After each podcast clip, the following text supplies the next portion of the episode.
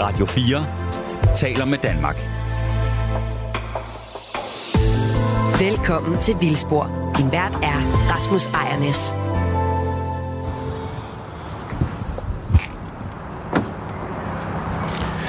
Øh, vi befinder os efter sine i Gladsaxe Kommune, tror jeg. Vi skal mødes med Anders Adams, som er naturforvalter og som har nogle spændende ting i gang. Vi står nærmest sådan i et parcelhuskvarter, ikke? Der er klippet hække og nabohjælp og... Det er Søborg, men det er, jeg ved ikke, om det er i Gladsaxe Kommune. Det er i hvert fald Søborg, GPS'en siger. Okay, altså det er, det er sådan en del af Storkøbenhavn. Vi, er, vi kørte i 10 minutter inden fra Universitetsparken, så det er jo ret meget København det her, ikke? Men, og man kan høre biler. Øh, men der er også et eller andet fredeligt parcelhuskvarter over det. Og vi skal tale med Anders Adams om, øh, hvordan man øh, hvordan man kan lave øh, ambitiøs, spændende, øh, biodiversitetsvenlig naturforvaltning inde midt i en by, som er fuld af mennesker. Øhm, og øh, det, er, det er sådan et slags søsterprogram til, øh, til programmet med havegræsning. Altså, hvordan kan man pensionere sine plæneklipper og, og, og finde nogle dyr, der kan finde ud af at græsse, i stedet for at man skal køre med sådan en kedelig lammende plæneklipper. Som, øh, hvor det var gæstevært Mette, Mette Hesselholdt Henne Hansen, der, der viste rundt i, øh, i egen have blandt andet. Men, men nu er vi altså landet her i Gladsaxe, og vi det er jo øh, deres udsendte, Rasmus Ejernes, og så øh, Andrew Davidson, min tro. Væbner. Jeg ved sgu ikke. Følgesvend, tror jeg, jeg havde tænkt mig. Det var det, der lå lige på, på læberne. Og vi, Begge dele fungerer. vi er baseret på en lille bro over en vej, og så, øh, så er vi kommet ind i noget... Det er jo sådan et naturområde. Der står egetræer, og... Øh, der er en indhegning her. hvad, hvad står der? Nå, okay, jeg læste helt forkert. Det var bare et underligt skilt. Hvad læste du, Andrew? Jeg, tror, jeg troede, der stod stierne glaføre bekæmpes, men der står bare gla... Glatfører bekæmpes. Det er også et vildt ord, ikke? Glatfører bekæmpes. Og gruses kun lejlighedsvis. Ja. Så det, det er sådan en advarsel om, der kan godt være glat. Men ikke i dag, Det problem har vi ikke i dag. Det er Varmt. varmt. men ikke glat. Nå, men altså, Anders han... Anders skriver bare komme er her. Okay. Men jeg er lidt, men jeg, er jeg, er bare, jeg, vi ringer... Så kan vi så kigge ind i, fordi der er nogle øh, indhegninger her, ikke? Øh, Den første her, det er en hundefold, så. Ja. den bliver jo ikke græsset. Hunde græsser ikke. Der bliver nok tværtimod gødet en hel del. Men så er der en anden fold dernede, og, øh, og den ser lidt større ud, og der går faktisk, der går heste. Prøv at se der. Nå ja, Ej, det ligner sådan nogle øh, vilde heste, måske sådan noget konik, eller... det er sjovt, fordi... Altså, det, skal vi lige stoppe op her, fordi det er jo lidt sådan en dal af en art, ikke? Og vi har jo store fedt. træer og forskellige, men, men helt bagerst er der også bare et kæmpe højhus. Ja, det er der. Ja. Og man kan høre trafik omkring her, ikke? Ja. Man er ikke i tvivl om, at vi er i byen. Men det er godt nok meget, meget idyllisk, vil jeg sige. Ja. Meget dejligt. Og altså, er du sikker på, at vi ikke skal prøve at ringe til Anders? Fordi jeg ved ikke, hvor Helt helt siger han er så er han her altså. Sådan er det med biologer. De er, han har måske bare lige opdaget et eller andet spændende. Nej, her er et skilt, der er lidt sjovt. Som, og her, her kan jeg godt finde ud af at læse rigtigt. Sæt farten ned. Kære cyklist, her skal være plads til alle. Sæt farten ned. Nyd naturen og undgå uheld. Og så er der nogle cyklister. Der er også nogle heste, og der er sørme også en enhjørning. De er, det synes jeg, det er humor. Øh, Gladsaxe Kommune har simpelthen lavet et skilt med en indjørning. Det kan jeg godt lide. Ja. Så er man også klar over, at øh, nu starter safari-rejsen her. Man Der kan opleve noget- alt muligt. og noget magisk her. Men man skal måske spise svampe for lige at få enhjørning med. Ja, der kommer han. Se nu bare. Jeg sagde, at det ville løse sig problemet, Andrew. Du skal bare stole på mig. Åh, Der. oh, ja. En mand med en hat, der vinker til os. Det kan ikke gå galt. Naturheste står der. Og Galloway-kvæg på besøg i folden. Ej, det skal vi høre mere om, men det ved Anders sikkert alt om. Så vi går ind. Hej. Hej Anders. Gladsaxe. Hej. Andrew. Hej. Hej Rasmus. Dejligt at se Ja, dig, at ja. du vil tage imod os. Ja, selvfølgelig. Øh, og vi har lige set øh, skiltet op med ja. enhjørningen. Det synes vi, ja. det, det kan Det- sgu et eller andet. Det er ret uh, hyggeligt. Det er ikke noget, vi har fundet på. Men det, er- altså, det er nogle kolleger i en anden afdeling. Det er vildt hyggeligt, ja. Og, og lidt fantastisk landskab, der gemmer sig her. Altså, vi har kørt, kørt igennem byen 10 ja. Ja, minutter inden ja. for Universitetsparken. Ja. Hvem, hvem kunne ane, at, at man bare skal parkere for enden af en parcellus? Ja. Det minder om sådan en fransk tegneserie, hvor, hvor inde i storbyen, der skal man bare åbne den rigtige dør, så falder man ud i sådan et, en, et vildt naturområde. Ja. Det er sådan lidt magisk. Med den, det gamle DR øh, bygning der i baggrunden, det er den der derovre. Høj Gladsaxe, eller hvad hedder Nej, Højgladsaxe, det er deroppe. Nå ja, det kan jeg godt se. Og så derovre, det er jo gamle 2860 Søborg. Søborg. 28. Så øh, Bamses hus ligger jo lige her nede et sted, ikke? Det er legendarisk, altså. Det er faktisk legendarisk. Jeg tager lige et billede af det. Ja. Nu når vi er ved det der, så altså øh, i Bennys badekar, som I kender, ikke? Den her fantastiske øh, 70'er tegneserie. Jeg elsker Bennys Ja, lige præcis. Fed musik, Peter Bailey, Rest in Peace var jo med og så videre, ikke? Og øh, det er jo i de der højhus derop, at øh, Benny han bor. Og det er jo derfra, han løber ned og løber herned i mosen, hvor han møder den der ornitolog-type og fisker haletusen op og tilbage op i badekarret og den magiske verden, ikke? Så Så der er magi her. ja, ja, ja, ja. Hvad, hed, hvad hedder stedet? Altså, har det sådan et navn? Jamen, det hedder Høje Gladsaxe, og så traditionelt hedder det Høje Gladsaxe Parken, men det synes jeg jo i hvert fald personligt er lidt synd, fordi det er mere end bare en park, ikke? Jo. Det er jo faktisk et naturområde. Øh, Så, så noget af det hedder jo også Gyngemosen. Gyngemosen, Ja. Det var også sådan et, et, et, øh, kælenavn for, for DR-byen. Ja, lige præcis. Gyngemosen. Ja, ja. Så vi står jo, som du også sagde, altså det er et ret vildt sted, der vi står den 30-40 meter over havets overflade. Vi står ligesom oppe over København nu. Ja. Og øh, lige derovre, der ligger Tingbjerg, som jo, altså Tingbjerg, det er der, man har mødtes også øh, før i tiden og holdt sit ting ikke? På, på den her bakke over København. Der er Brøndshøj lige herovre. Det har, de har gravet en brønd, men den har sikkert ikke været særlig dyb, vel? Så der er noget vand her. Der er også en kilde hernede, vi kommer ned til. Herover ligger Kildebakke station. Der er ikke så meget natur, men det har der helt sikkert været engang, ikke? Fordi der er masser af, af kalk her og kalk i vandet. Og, så der er sådan... Øh, der er en, altså, når man kommer... Mange kender jo Utterslev Mose, som ligger et stenkast herfra, og som ligesom er den nordlige ende af Københavns Kommune. Men der er ikke særlig mange, der lige forstår, at de skal bare gå fem minutter over kommunegrænsen, så kommer de ind i, i det her Højgladsaxe, som, som Er kan det noget. jeres perle i Gladsaxe Kommune, det her? Ah, Jeg synes faktisk, vi har mange perler, men de er gemt og glemt, eller ikke glemt, men overset. Altså, øh, vi har jo også en del af Smør Fedtmosen sammen med Herlev Kommune. Det er jo også et fantastisk navn. Ja. Smør fedtmosen. ja, Smørmosen og fedtmosen. Ja, lige præcis. Ja. Øh, derinde er der jo noget, et, øh, så, øh, Øh, så, så vi har også et andet sted her, Radiomarken oppe ved Bagsvær Sø, og der, i Radiomarken er der noget, der hedder Lille Amerika. Det var noget med nogle sender og sådan noget, man sendte afsted, ikke?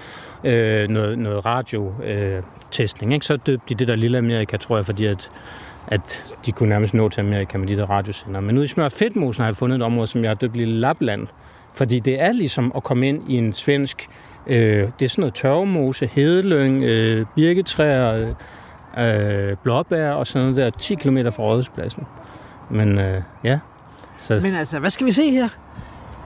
jeg synes, at vi skal se... Øh, jeg synes, vi skal gå en runde rundt og se. Jeg har øh, nogle sjove ting at vise jer, og jeg har også nogle, nogle spørgsmål nu, når der kommer øh, viden på bordet, så kan jeg jo også stille nogle spørgsmål tilbage om nogle ting, vi går og tænker lidt over, hvordan vi skal gribe an. Og der kommer der folk ind i folden. Det er jo øh, utrolig øh, velbesøgt. Ikke? Nu kommer der en, en, måske en farmor med hendes barnebarn. Øh, så der er jo også meget, meget med, at vi er super tæt på byen. Der bor jo flere tusind mennesker lige her rundt om, ikke? og villakvartererne, som du, som du siger, vi kørte igennem. Hvad tror du, de skal ind, øh, det der barnebarn skal ind og se her? Dyrene. Ja. Hestene, helt klart. Ja. Måske kvædet, men de gemmer sig lidt mere. Så lige nu er der, vi så hestene, da vi kom, men ja. jeg kunne se derude, der stod, der var noget kvæg på besøg også. Ja. Galloway. Ja. Så det er jo ligesom at komme, om jeg så må sige, hjem til Mols Laboratorium. Det kan man se på mange måder. Du lytter til Vildspor på Radio 4. Kan vi lige gå kan lidt gå ind? lidt, Ja. og, øh, fordi vi kan godt tale, mens vi går. Ja. Og øh, I har jo ikke, jeg går ud fra, at det er ikke 130 hektar her, Nej. som, som man skal, man skal tælle lidt tiende- mere på knapperne, ikke? Det er en tiende del af det, ikke? Der er cirka 12 hektar. Så- Men Jeg tror faktisk ikke, vi har fået slået fast, hvilken rolle Anders spiller her. Ja. Oh, ja. Anders, du er biolog i Gladsaxe Kommune, er det rigtigt? Jeg plejer at sige, at jeg arbejder som biolog. Det er lidt nemmere, fordi folk øh, forstår, hvad en biolog er. Men officielt er jeg sådan set øh, kandidat i naturforvaltning. Mm. Øh, men jeg skrev mit speciale på biologi, så, så jeg føler jeg som mig som biolog, men helt officielt er det ikke. Okay. Så du arbejder med biologi og naturforvaltning? Ja, det gør jeg. Så du har haft en finger med i spillet i forhold til at få slået et hegn om, om det, der så engang var en park, og nu er blevet til et naturområde? Øh, jeg har været ansat i Gladsaxe i tre år, så øh, jeg var ikke med, da beslutningen blev taget, men har været med siden, øh, inden vi satte hegnet op. Hmm. Øhm, det gjorde vi i hvad hedder det, efteråret 2020, og dyrene kom på også der i starten af november 2020, så det er to og et halvt år, vi har haft det her græsning. Og nu gik vi lidt væk fra det, men man kan også se det over bagved, det kan lytterne ikke se, men altså sådan der så det jo ud før. Det vil sige høj græs, øh, domineret af drabhaver, øh, hvis du kigger uden for hegnet. Ikke? Øh, masser af gode strukturer og spændende landskab og sådan noget, som vi allerede har snakket en del om, men, men øh, ikke en optimal drift i forhold til natur. Øh, så der er virkelig sket noget på utrolig kort tid. Der er en musvåg, der skriger i Ja, der, er, der er både ynglende musvåger og tårnfalk og, og natteul herude. Ja. Øhm, ja, Og så varierer det ret meget, altså fordi vi, vi går noget af det, det er virkelig, virkelig hård, nærmest sådan kompakt, betonagtig bund, vi har gået over. Der er lidt, lidt græs og lidt hvidkløver, som forsøger at blomstre her i tørken. ja, Men jeg kan jo se, at nede ved foden af bakken der, der kommer der vand ud. ja. Og nede i bunden, der ligger der en stor mose, som ja. Ja. er groet til med pil og birk, og jeg ved ikke, om der også står et elmetræ der. Sådan ret Jo. varieret øh, vedplantevegetation. Og en del, øh, kon- Røde el måske. en del kornel også. Øhm, Og så er det tagrør rundt omkring i kanten af ja. pilesumpen der. ja, ja. Men det synes man, der kommer nærmest vand ud af bakken her. Jamen, det gør der. Der er en kilde, vi har frit lagt hernede. Fritlagt, hvad vil det sige? Jamen, øhm, det her areal har været landbrugsjord. Det kan man næsten godt fornemme Ja. med alt det hvidkløver, ikke? Der er en del øh, havelåger, ikke? Og øh, Der er havelåger. Hvad mener du? jamen altså, på paragraf 3-skemaet, der er der jo stjernearterne, øh, og så er der dem der, der har en sådan hashtag-symbol, som man jo også kan kalde en havelåge. Så Så- det er bare sådan slang for dem der, der De ringe. er de ringe, der får en minus der Vi på paragraf lige 3. over en, over en horsetissel der. Ja, ja. Det kunne være en af dem. Ja, det kunne også være en af dem. Altså på sådan noget, øhm, hvad skal man sige, natur, der ikke er fra øverste hylde, der kan nogle af de her tisler jo sådan set være super, en super fed ressource. Fordi jeg vil hellere have en blomstrende tissel med sommerfugl på en, øh, en rapgræs og så videre. Ikke? Jo. Så, Det, så, det synes jeg, der er alligevel en del almindelig vene. Ja. Det synes jeg er meget sjovt. ja, fordi det, altså det, så det har været landbrugsjord, men for mange år siden. Jeg Ja. tror, det har været nok i 60'erne engang, at man har stoppet med at, at, at dyrke. Så har man bygget Høje Gladsaxe. Så har man sagt, at det her det skal være et stort naturområde, der skal høre til øh, alle de her øh, boliger. Og så øh, i 20, nok nærmere 30 år, der har det været slagleklippet. Altså slået en gang om efteråret, og det man har slået, har man bare ladt ligge. Og det har jo virkelig gavnet nogle af de der høje græsser og kraftige græsser som drabhaver og sådan noget. Ja. Men fordi at der har været mosen, fordi der har været nogle vejkanter dengang i 60'erne og 70'erne, hvor der har stået nogle fine planter, så er der ligesom også overdrevsplanter herinde. Der er øh, gul snære og almindelig æremåne og forskellige fine nok øh, overdrevsplanter. Mm. Og også et par sådan lidt mere specielle trænede snære og sådan. Mm, Så det, det er ikke helt... Øh... Ja, men anyway, så da man, da man havde det her øh, landbrugsland, så har man jo ikke syntes, det var særlig fedt med sådan en kilde her, som har væltet ud her, og, og man ikke kunne dyrke den her nederste del af bakken. Så den har været ligesom pløjet over, og faktisk øh, er der du også... fortæller, så skal vi lige ned og kigge. Ja, vi skal lige ned og kigge, der er jo er, hernede. er, er der ikke vådt hernede, Anders? Jo, men hvis du går helt ud i det, men det er jo sådan relativt... Den kunne godt springe lidt mere, den kære kilde der, men den løber hele året. Og det er jo også vores... Øh, her kan dyrene drikke, ikke? Øh, hvis, der, er- hvis der ellers er frost andre steder, fordi det er grundvand. Mm. Så, men, men der, der løber der en... øh, Der, har vi, der er der en anden farve.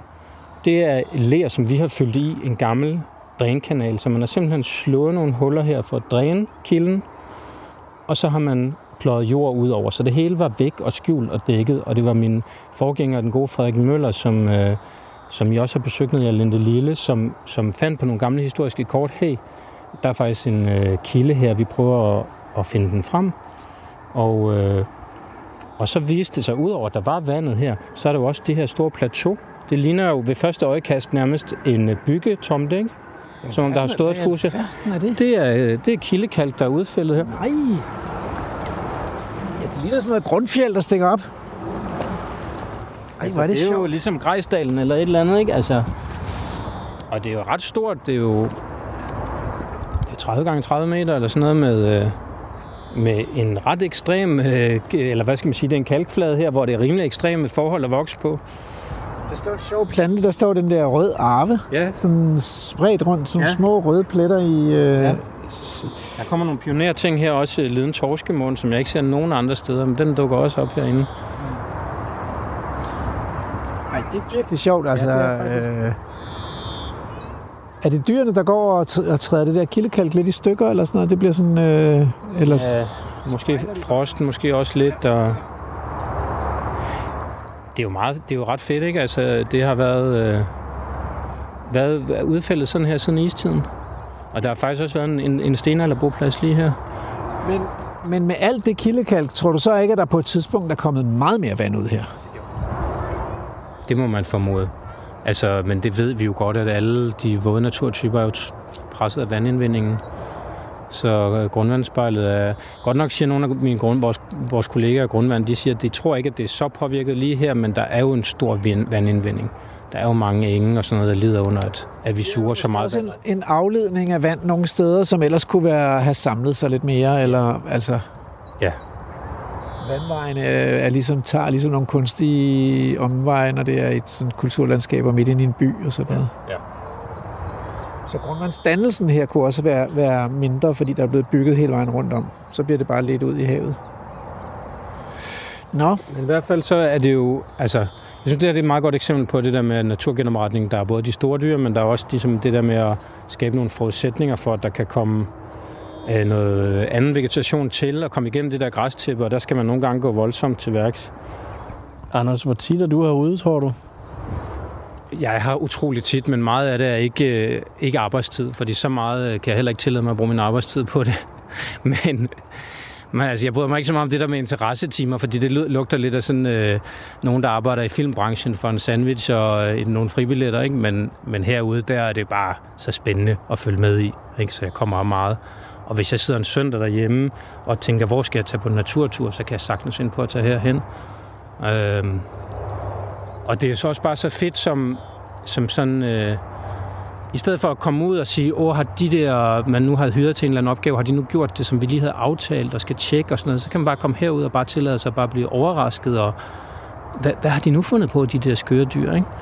Så det, det er vildt befriende også, altså, på den måde så det, det du siger, det er ligesom, at alternativet, hvis ikke, hvis ikke I havde lavet den her indhegning med store dyr, så, så skulle jeg ringe til maskinstationen for at få løst opgaverne. Ja, det kunne man sige, så kunne vi have slået det, men det havde jo aldrig været, det havde ikke nået den her græsning til sokkeholderne. Okay, det skal vi snakke mere om, men nu skal jeg nok øh, lige øh, hjælpe lytterne lidt øh, med, hvor vi befinder os henne. Vi befinder os i Gladsaxe Kommune, i, øh, imellem høje bygninger i den gamle DR-by, øh, tæt på Gyngemosen og øh, Høje Gladsaxe. Og vi er parkeret midt i et parcelhuskvarter, men pludselig åbner sig det her fantastiske bakkelandskab op med, øh, ja, med bakker og med et lille kildevæld, vi har fundet, og en mose og og vi er sammen med Anders Adams, der arbejder med naturforvaltning i Gladsaxe Kommune, og har, har været med til at få, øh, få området hegnet ind. Og så er der blevet sat... Hvad er det for nogle heste, der er blevet sat ud, altså? Det er konik.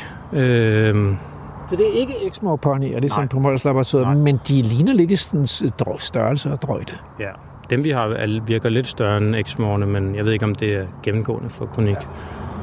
Så vi i, i efteråret 2020 udsatte vi tre konik, øhm, og dem havde vi så i, øh, i cirka to år, og, øh, og så i, øh, i december, her i december, så besluttede vi at sende den ene tilbage til Tyskland, hvor vi havde købt den.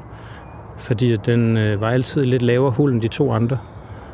Øhm, og ikke noget, der var sådan problematisk, men øh, den, den klarede sig fint. Dyrlægen sagde, den så sund og, og fin ud, men synes alligevel, at vi skulle sådan øh, tilskudsfodre en lille smule, så vi har sådan chatfodret med nogle få kilo hø, øh, nogle få uger. Øh, så det er ikke noget, jeg tænker, der hverken har påvirket dyrenes adfærd, det er vigtigt. Og det er også vigtigt, at vi ikke tilføjer en masse næringsstoffer, men, men det bliver bare sådan ligesom det bliver meget øh, arbejde og med at og ligesom have sådan et, et dyr, som ligesom på en eller anden måde var så meget anderledes hul end de to andre. Fordi det var både sommer og vinter, at den var i lavere hul. Ikke? Så det var, og det er jo noget af det, der er udfordringen med sådan et, et lille areal, hvor der er få dyr. Ikke? Så bliver det ligesom, det, det, det, det er lidt sværere at regulere størrelserne, fordi når vi så tog en hest ud, så var det jo faktisk en tredjedel af græsningstrykket, der også forsvandt. Ikke? Er det så... det, der er mad til herinde? Altså, og hvordan har I fundet ud af det? Ja, yeah. vi har, vi, har, vi har fået hjælp af nogen, øh, blandt andet Stine Tuxen, som har noget god erfaring med det, Peter Størup, og vi selv har kunne, kunne læse os frem til. Der er jo nogle videnskabelige anbefalinger på 100-200 kilo plus minus på, per hektar, øh, altså kilo dyr, ikke? Og så, øh, så startede vi lidt i den lave ende øh, med, med, med tre heste på de her 12 hektar. Øhm, så tog vi den der væk, og var til, egentlig tanken, at den skulle, øh, vi skulle få en anden, men den vi skulle så have, have byttet med, den kunne vi desværre ikke få alligevel. Og så var der et par måneder her hen over vinteren, hvor vi kun havde to dyr, og øhm, så så vi, at øh, der var rigt, altså vi savnede noget, og der var nogle ting, øh, for eksempel var der rigtig mange store latriner, altså hvor hestene skider og ikke græsser særlig meget. Og det var sådan meget udbredt herude. Øhm, der, så, så, så, så var jeg på Mols Laboratoriet, og det prøver jeg at gøre så tit jeg kan, fordi det giver en, det er en fantastisk reference til at kunne, øh, hvad skal man sige, læne sig op af, hvordan kunne det også se ud? Hvad kunne være et mere øh, naturligt græsningstryk? Så det bruger jeg rigtig meget til at øh, blive klogere på, hvor, hvor ligger vi her i forhold til det. Og, og, og der var det bare sådan, hvor fanden er de der latriner?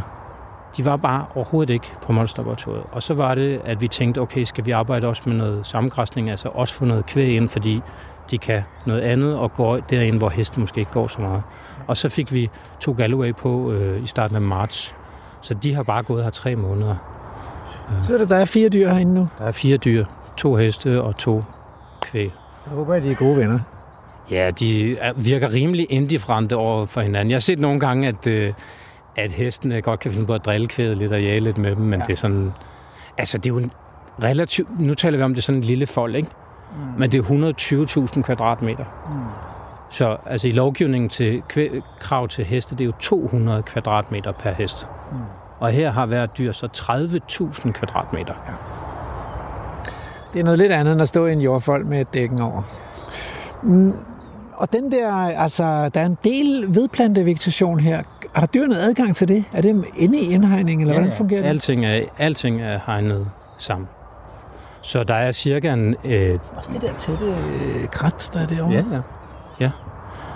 Så der er cirka en, en... Måske halvdelen er sådan her ret lysåbent, og så den anden halvdel er krat, skov, mose, øh, hvilket jo også er fedt for dem, fordi at de har mulighed for at søge i, i, i, ude i det våde. De græsser utrolig meget ude i vandhullerne.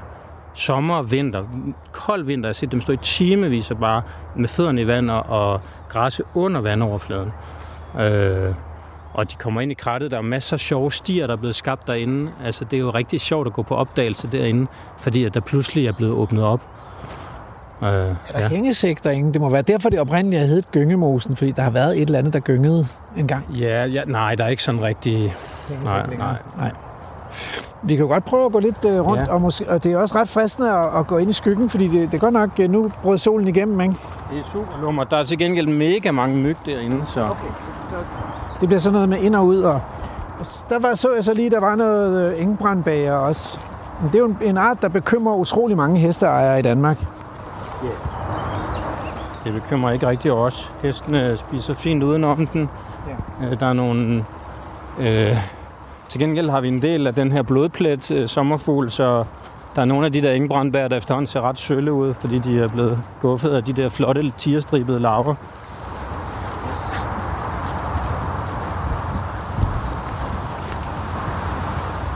Og der er et lille vandhul med åkander. Hvor hyggeligt altså så nogle af de der centrale moser blev ligesom udvidet, gravet ud i start 80'erne. Jeg forstår ikke helt hvorfor faktisk. Det er jo efter man har gravet tørv, men det kan være, at man har tænkt, det var sådan øh, landskabspleje, at man godt ville have noget åbent vand. Altså, tror du ikke, det er den der parktanke, at øh, hvis vi skal have en park, så skal vi da også have en lille sø, og vi skal have nogle åkander og et lysthus og sådan noget. Så er det ikke helt noget til lysthuset. Krattet er jo også blevet plantet. Noget af det er måske 40 år gammelt, det ældste, men man har faktisk været, været rigtig god til at kun at bruge en masse hjemmehørende arter. Der er stort set alle danske arter af løvtræer. Det ser ret øh, artsrigt ud, Ja, altså, men- og masser af hvidtjørn, og er der noget mere bæl og noget rose, der klatrer Ja, op i ja. tørnen der. Vi kan godt lige stikke hovedet ind. Ja, Jeg synes, det er altid øh, øh, fascinerende at gå i, i, kø, i kølvandet på de der græsne dyr. Vores forfædre er kommet til Europa på sådan en veksel her. Ja, det er det. Du lytter til Radio 4. sted og, øh, og komme på besøg og gå lidt på opdagelse Ja. og sådan noget, ikke? Ja. Så kommer man lige et skridt længere væk fra byens larm og, øh, og støj og kaos. Man kan næsten gemme sig herinde. Kan du ikke lige fortælle, hvordan det ser ud herinde, Rasmus? Jo, altså, øh, det er jo, en, det er jo en varm sommerdag, så nu er vi kommet ind i sådan lidt sådan kølig skygge, men den er, det er jo ikke sådan en bælragende mørk dansk produktionsskov. Der, de der buske, som jo mest er tjørn lige her, vi står under, slipper lys nok igennem til, at der er sådan et, det er sådan pletbelyst herinde. Og så er det gennemskåret af, af veksler, som er de der stier, som er trådt af dyr, som har gået mange gange det samme sted. Og dyr er jo ligesom mennesker dovent anlagt, så der er ikke nogen grund til at, at gå en ny vej, hvis man har trådt en gammel vej. Øh, og så bruger de de samme veje igen og igen, og det betyder, at, at i stedet for, at der er nogen, der skal lave en mountainbike-sti her, så har dyrene selv lavet en sti, og den kan vi så bruge, når vi kommer på besøg. Kvædet lavede nogle helt andre end hestene. Det var ret sjovt at se. Og der skete virkelig noget der. Så på få måneder er der ligesom kommet et helt nyt sæt stier. Ej, Ja, ja. Skal jeg vide, hvad det er? Jeg synes lige, vi skal gå herhen op. ved, hvad det er. Ja. Ej, de der heste har altså ikke tænkt sig om. Hvis man skal effektivt igennem det her, så er det denne her vej. Fordi her var, som du sagde, sådan lidt ensformigt tørn, ikke? Og jeg kunne godt overveje, om man skulle vitalisere lidt.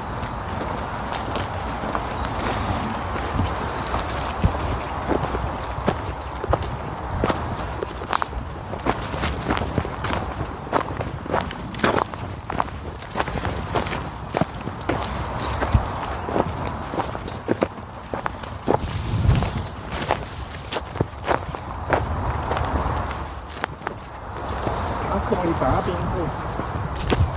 Kommer de bare ben på arbejde her, Andrew? Altså, øh, nu er vi jo gået igennem det der stykke øh, kratværk. Jeg bemærkede mig, at under, undervegetationen var sådan domineret af en plante, der også rigtig gerne vil fylde meget i min have. Febernelligerod. Mm. De der tanker om, og vi har gået og talt lidt om, om de gamle marker øh, op, på, op på den tørre bund der.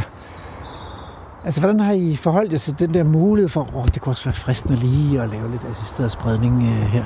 Men det vil du bare gjort.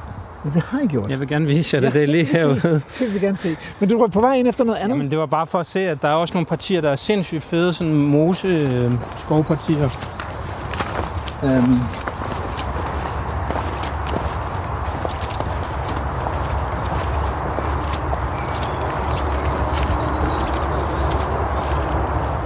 Her kan man normalt ikke gå uden gummistøvler, men nu er det jo så ekstremt tørt, ikke? Så jeg synes bare lige, vi skal kigge ind her. Øh, måske går vi lidt skridt videre.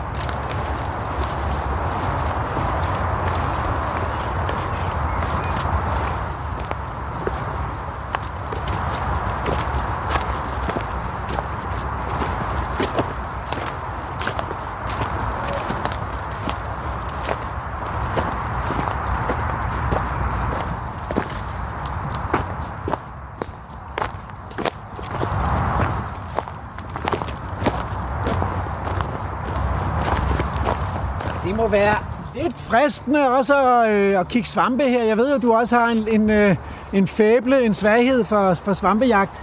Ja, helt klart. Øh, det har vi også øh, gjort. Øh, jeg har både selv gjort det og også fået hjælp. Øh, Den, øh, den gode Thomas Kælet har vi hyret et par gange til at kigge svampe herude, og også fundet nogle Han er små sjove ting. Han er virkelig dygtig, Ja, og, han altså. og går også øh, grundigt til værks, også med de små øh, brune sager der. Så han fandt en lille brun s- svamp med det charmerende navn Pliseret Dansehat, Sådan. som er, som er rødlistet. Og jeg har fundet et stort skrummel af en rødblad på fyrbrun rødblad, som, som også er, er EN eller VU, så vidt jeg husker, altså er den. rødlistet. Det er sådan en af de der græslandsrøde Ja, ja. Så, og, og det er der har ligesom også stadigvæk. Ja. Så der er ligesom noget. Og så synes jeg bare, at det her, det er jo et fedt, fedt skovbillede. Ikke? En Jo. kæmpe stor væltet øh, dunbirk. 10, hvis ikke 15 forskellige arter af, af vedplanter. Og øh, altså prøv lige at lave det her med en maskine. Ikke? Det kan man jo ikke. Ja, det er svært. Det er svært. Det minder mig om øh, vores tur ned til Christian Gravbæk, da vi var, øh, da vi var dernede på Ulshoved, ikke? med de der store, gamle, væltede træer. Og cirka lige så mange myg. Ja, det Det- var der det- forresten også. Jeg kan godt se, at du står også sådan ligesom og stepper lidt der og løfter på benene. Hvad er det for noget med dig? øh, men, øh, men du siger, at her kommer dyrene også ind. Det kan man jo nærmest se. De går her jo. Kvæne er her rigtig meget. Fordi det er jo også med til at skabe noget af den der, som du sagde, veteranisering, som øh, betyder meget for, om træerne bliver levested for andet end sig selv. Ja. Er stadig mest unge træer her, ikke? Anders. Vil du ikke igennem det? Nej, det gider Så går vi ud den samme vej, som vi kom ind. Jeg beklager meget, men det er altså, vi, det, vi kan simpelthen ikke få bedre assistenter i mediebranchen. Jeg synes, du gør det meget godt, Andrew. Og det bliver han glad for at høre, altså. Du spiller også noget god musik, eller er du helt stoppet med det? Nej, det er jeg ikke. Musik på det sidste i Vildsborg. Så jeg kan love dig for, at vi kommer til at høre Bennys badekar i det her program her. dyb hav blot som himlen mellem tang og fiskevrimlen rejse nord og sydøst vest. Her på ryggen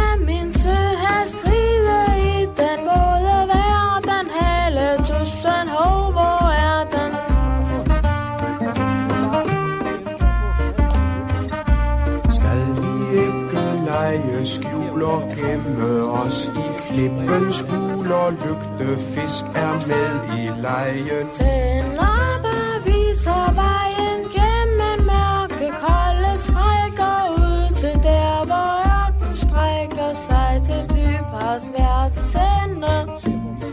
Altså, jeg kan jo ikke nå at vise jer det hele, men herude er der også bare en fantastisk lysning, ikke? Med spredte blandede hyld og tørn og Ja. øh, sydvestvand, super varm med skovbryn her med masser af blomster også. Og så der er sindssygt meget variation her i forvejen. Og det er selvfølgelig, jeg tænker, at når man skal øh, prioritere, hvor man skal lave sådan nogle projekter her, ikke? og særligt måske i byen, ikke? så skal man vælge steder, hvor der er potentialer, og hvor der er noget natur i forvejen. Ikke? Det, For eksempel gamle træer eller vådområder. Yes. Og herude er der jo også nogle enkelte overdrev, altså bare beskyttede overdrev, beskyttede moser. Så vi har noget beskyttet natur, ikke? Og så har vi topografi og hydrologi til, at det kan blive endnu federe, ikke? Men det giver jo også meget mere velfærd for dyrene. Altså, fordi de kan søge ind i skyggen og ned i vandet og op på bakken. Og... Der er mange udfordringer her. Altså, det, de kommer ikke til at kede sig. Præcis. Det er, det er det helt store lejland. Altså, jeg kan, jo, jeg kan jo huske, vi har, der hvor jeg bor i Hjortshøj, der har vi sådan en økolandbrug, der har vi også haft kvæg ikke, til, til oksekød og sådan noget.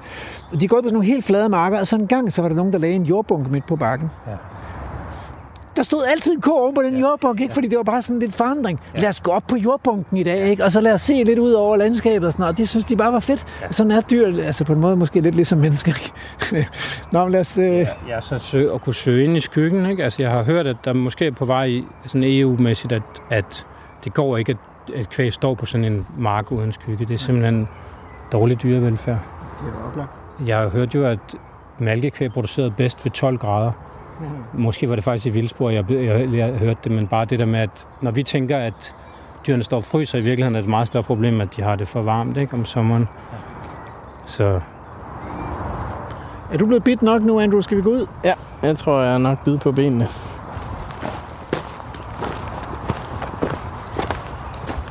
Altså, hvis ikke de har gået her, så øh, havde vi skulle kæmpe os igennem et øh, tæt brændende krat. Men nu kan vi bare følge i dyrenes fodspor på denne udmærkede veksel. Men Anders, kan du så se forskel på, om det er heste eller kvæg, der har gået her? Altså, jeg er ikke den store øh, sporfinder, men det er jo ret nemt, fordi at øh, kvædet har klove, ikke? Så de laver sådan to. Ja. Og lige her øh, er det ikke så tydeligt, men øh, jeg tror, de begge to kommer her. Det er en tydelig hest, ikke? Altså på et tidspunkt må der vel også ske det i det her vedplantevegetation, at de stille og roligt får bidt underskoven væk, så der bliver sådan en, en horisontlinje ind under træerne, ikke? Må man næsten formode. Og der er særligt hestene jo super fede. Altså, hvis der kun var plads til ét dyr, så ville jeg altid vælge hest. Hvorfor? Jamen, fordi de er så selektive og hårde ved græsset, og, og vi har så mange naturområder med store, grove græsser, der dominerer, og så er de også hårde på, øh, på vedplanterne. Så, Så bliver der mere plads til blomstrende urter. nå ja, jeg skulle lige vise jer det der, øh, hvad hedder det, assisteret spredning. Ja, tak. Du lytter til Vildspor på Radio 4. Kan vi lige få en øh, forklaring på det? Nej, ja, også det, men måske en forklaring på assisteret spredning. Men øh, om det, tror jeg, øh, det tror jeg, vi får nu lige, når vi kommer til at se det. Øh, og, øh, og, så nu får du lige recappen. Vi er i øh, Gladsaxe Kommune. Vi befinder os på et naturareal, som engang var en park, og nu er blevet forvildet. Kilden er skrabet fri. Drænet er lukket. Der er sat store græsne dyr ud. Nærmere bestemt to konikheste og to Galloway-okser, som går og råhygger sig. Vi har været inde i krattet og gå af dyrenes veksler. Og nu vil øh, Anders Adams, der er naturforvalter her i kommunen, vise os, at der også er arbejdet med assisteret spredning. Og øh, kan du ikke lige øh, opsummere det der assisteret spredning? Hvorfor og hvordan? Jamen, øh, i princippet kan det være alle arter, men øh, her er det, er det nogle planter, vi har flyttet. Og det har vi gjort, fordi at de ville have svært, unaturligt svært ved at komme her selv, kan man sige. Øhm, og så der, hvor vi har flyttet dem fra, er et lille bitte, bitte, bitte overdrev, der ligger lige herovre i Utterslev Mose. Så ikke nok med, at de her arter er helt lokale og ville have været her, hvis det ikke havde været pløjemark engang, så øh, passer vi også lidt på, på den øh, ressource, genressource, der er derovre på Langholmen, fordi hvis det en dag går galt derovre, så har vi faktisk nogle af arterne til at overleve herover. Det der ser jo meget sjovt ud, fordi jeg tænker, hvorfor er der nogen, der har smidt en bunke grene her? Og nu begynder det at dæmme for mig, fordi der er smidt en bunke grene. Ja, så Og- først er der skrabet af. Ja, nemlig nede under, der, er der, jo, der mangler græstørven jo. Ja. Der er bare der er huller ned til den underliggende jord.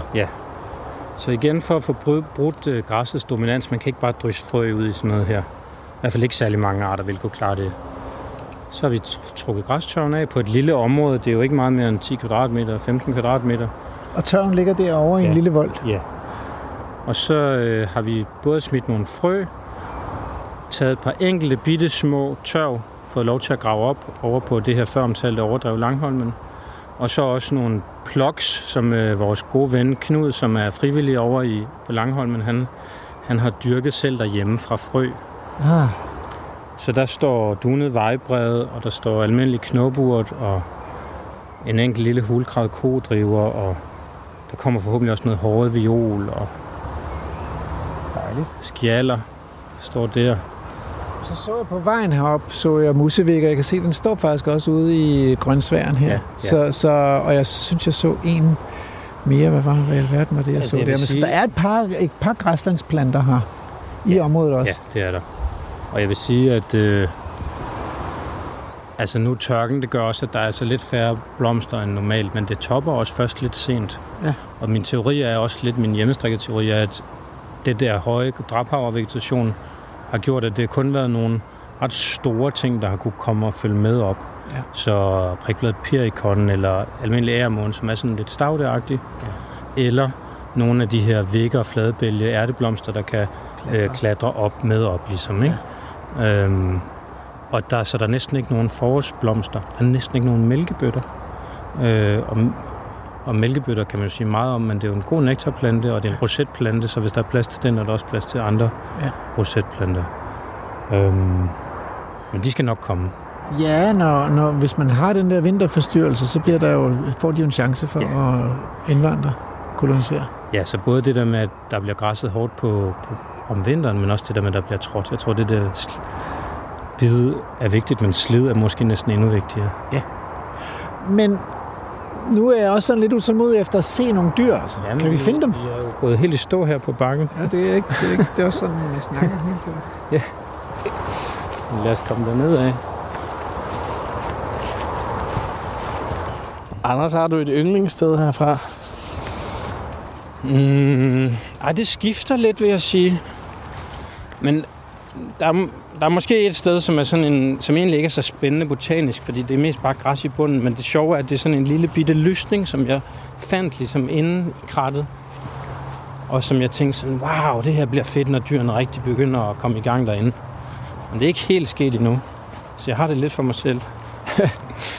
ja, Jeg tror, mange af os biologer, vi går ligesom rundt med drømmen om skovlysningen. Ja. Fordi, fordi at skovdyrkerne har ligesom taget de der skovlysninger fra os. Altså, de var der engang inde i skovene. Øh, men, øh, men det tager meget plads op at skulle give plads til sådan en lysning, ikke? Og, og det giver noget dårligt tømmer. For de træer, der står og omkranser lysningen, og, øh, og selvfølgelig slet ikke noget tømmer inden lysningen. Så, så det er jo på mange måder et pladsspilde, hvis man skal drive rationelt skovbrug og have sådan nogle lysninger. Er der nogen, er der nogen sommerfugle, der, øh, der formår at, at holde sig kørende sådan, i sådan, sådan et relativt lille naturområde her?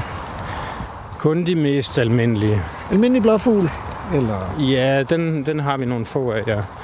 Nogle græsharnøjer, og det er desværre ikke... nej. Mm, nej, ikke her. Øh, jeg fandt en, en rødtopbi, som er en rødlistet bi, men de er åbenbart ikke helt så presset af fragmenteringen, de der bier. okay. Øhm, Nå, det er meget skægt. Jeg ved ikke, om de bare kan flyve lidt længere, Nej. end sommerfuglene kan. men jeg synes egentlig også... Øh, Sker der også noget derinde? Ja, ja. Den tjørn, altså. men det er nemlig ikke så dumt. Øh, Der var tror jeg det ikke, eller hvad? den Nej. Den er der en Jo, del af. Prikbladet perikon.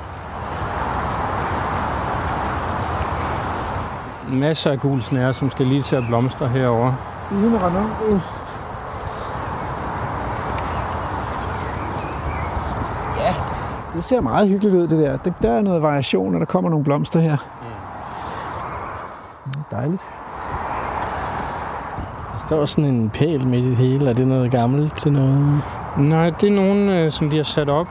Øh, Så, så i sommeren 2020, ja, der er i hvert fald bugtet kløver herude, men jeg ved Det ikke er om... jeg tænkte, om det var bugtet, eller den er sådan lidt, det er sådan lidt mellemting her mellem bugtet Ja, og ja, rødkløver. ja, Så, så må man jo have fat i, nogle fodflige her. ja, men der er ikke rigtig noget stilk under bladet. Jeg Eller synes, under blomsten. Jeg, jeg synes, det, her, det ligner meget bugtet. Og den der lange tilspidsede Ja, ja, ja. fodfli, ikke? Er enig. Nå. Ja, langsomt tilspidset, ikke? Ja, langsomt. Langt mm. tilspidset, Mhm, ikke, ja, ikke, ja, ikke ja. bræt. Så øh, en dejlig kløver Ja. art med store, smukke røde blomster. Ja. Også en meget, altså de, blomstrer længe, de der kløver, og de er meget elsket af humlebier blandt andet, ikke? Mhm. Øh.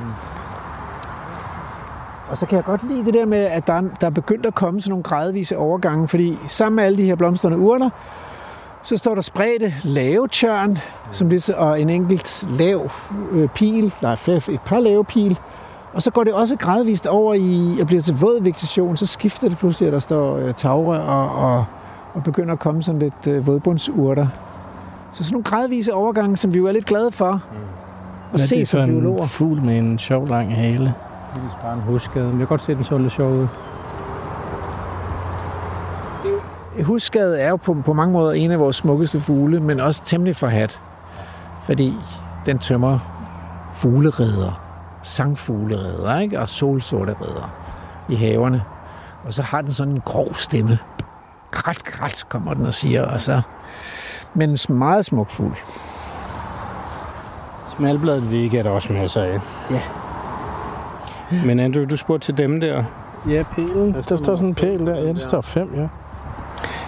Øh, det lavede vi øh, i sommeren 2020, altså så inden dyrene kom på, så lavede vi sådan en baseline. Så den der er et punkt, der udgør centrum på sådan en 5 meter cirkel, altså det man laver, når man laver paragraf 3, altså øh, undersøgelse. Så bare ved hjælp af feltskemaet, det var en nem måde at gøre det på, så er der ligesom lavet en cirkel her, registreret alle arterne inden for registreret vegetationshøjder. Øh, og så var der en super god og ambitiøs øh, bachelorstuderende i 21, Sofie, øh, som, som genbesøgte, og som så også fik lavet øh, blomsterressourcer, altså begynder at tælle mængden af blomster, og også hvor meget lort der var herinde. Så vi har noget data fra før, og det er også ret sjovt, vi er jo tæt på Københavns Universitet, så vi kan jo nemt få nogle bachelorstuderende ud, øh, eller nemt og nemt, men det er i hvert fald, nu har vi lige haft to, øh, Erik og Adele, som har kigget på latrinerne og målt det hele op, øh, og fandt ud af, at af de her lysåbne områder, så var halvdelen af det latriner, hvor hesten næsten ikke kom. Hvilket var ret vildt, ikke? Så, så, så, så, så det bliver spændende, hvad vi følger. Og vi er også med i det der store projekt, som Lasse Gottlieb med flere laver, hvor de har været ude på nogle af 40 helårsgræsnings rewildingsarealer i hele landet og lave sådan en grundig baseline, eller registrering i hvert fald, ja. sidste år. Ja. Øh, hvor de også lavede planter, men også insekter og havde pantraps og fanget og gjorde ved. Så det er vi også kommet med i. Ja. Pantraps, det er sådan nogle farvede bakker, som lokker bier til, mm. blandt andet. Svigerfluer og ja. så videre, ja. Ja, men lad os gå lidt over i skyggen, skal vi ikke det? Jo, det er, det er hammervarmt. Så vi også kan få lidt myg. De skal jo også leve. Ja. Se, det er sådan der, man gerne vil se brænde, eller ikke? Få og soleksponeret og... Afsvedende. Ja, ja. Måske et par laver på.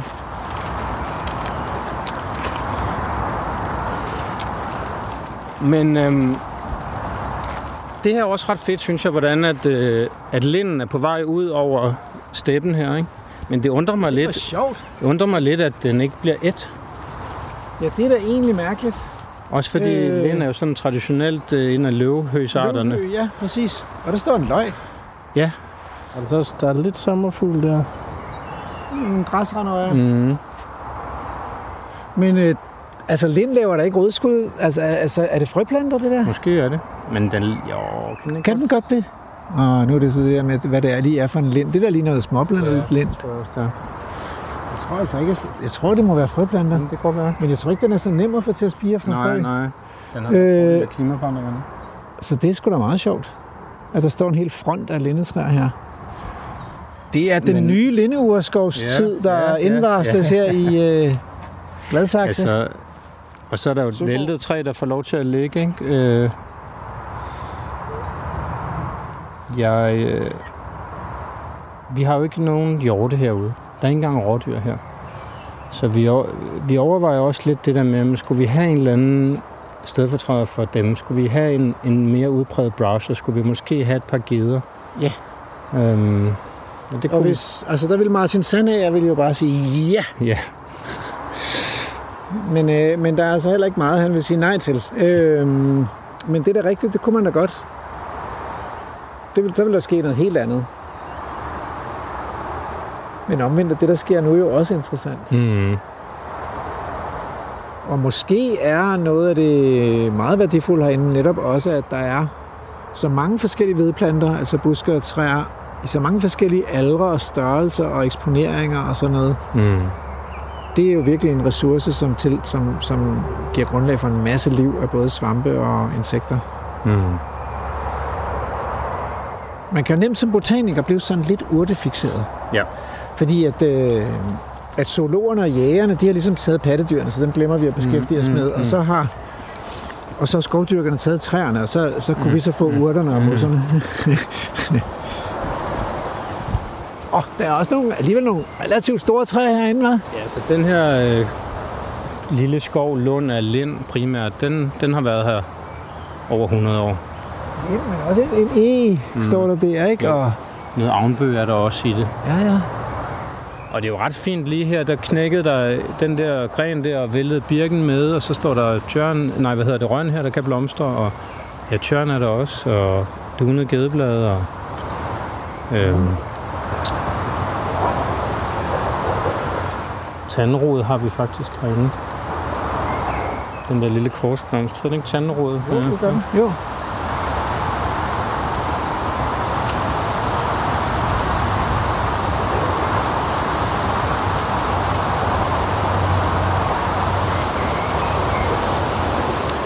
Men hvordan sikrer man sig, at man får nogle dyr, som øh, ligesom er kompetente i forhold til at udnytte de føderessourcer, der er i sådan et ekstremt varieret areal som det her?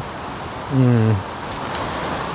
Jamen, det er jo en fordel at få nogen, der har lidt erfaring. Altså, øh, hestene var opvokset i sådan et helårsgræsningsprojekt i Tyskland, og selvom de kun var et par år gamle, da vi fik dem, så havde de jo stadigvæk prøvet lidt af hvert. Ja. Øh, kvædet er noget mere erfarent. Øh, Den ene er 6, og den anden er vist 11 år. Øhm, så, øh, så lærer de også bare undervejs, så, så de er helt klart blevet bedre til at udnytte nogle ressourcer, de ikke gjorde i starten. Mm. Øh, så det er nok også en, en god grund til at starte lidt lavt i forhold til antallet af dyr, fordi de skal lige lære arealet at kende. Men altså, øh, men de, det, det, er jo, jeg går ud fra, at det er det samme køn. Det, det er ikke et handdyr og et hunddyr, jeg Nej. har herinde. Det er to hopper og, og to køer. Ja. Ja, Så- der, det kunne være fantastisk med, med, med føl og kalve, men vi har jo for lidt plads, så vi vil hele tiden skulle flytte på dyr og Ja, ja, og masse... skille, skille familier ja, ad, ja, faktisk. Ja, lige præcis. Det er jo heller ikke særlig meget. Det er jo ret traumatiserende, når, når man skiller de der Ja. grupper eller flokke eller familier ad. Det fungerer rigtig godt nu på de her 12 hektar, men jeg tror også, man skal derop omkring 10, 10 hektar, 8 hektar måske. Man kan jo slippe afsted med en del, hvis man bruger sådan nogle mini De vejer jo måske kun 100 kilo eller sådan noget. 150 kilo stykket. Det er som bare et stort får med et lam måske, eller, eller i virkeligheden bare et får i sig selv, ikke? Så Nej, der er jo øh, ingen Illigerød. mm, Hvor hyggeligt. Det kan jeg altså godt lide. Og det, er jo, det, er jo, det siger noget om øh, menneskets absurde skældneevne og tvangsprægede skældneevne. Ikke? Fordi jeg hader febernælligerod.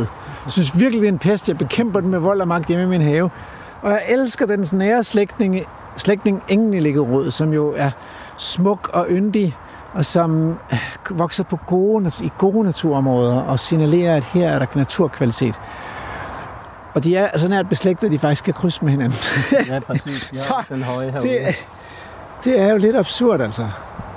Øhm, Og den har lavet nogle frø, der kan sidde fast i pelsen, sjovt nok. ja, det er den. De kan deres tricks, og de har så ikke rigtig virket i sådan et øh, brakpudset landskab, som der har været tidligere. Men, øh, men nu virker de igen, Mm. når der er pelsdyr, der går og græsser. Det er meget varieret, det her. Altså, man kan gå her et stykke tid, og så stadigvæk opdage nye udsigter.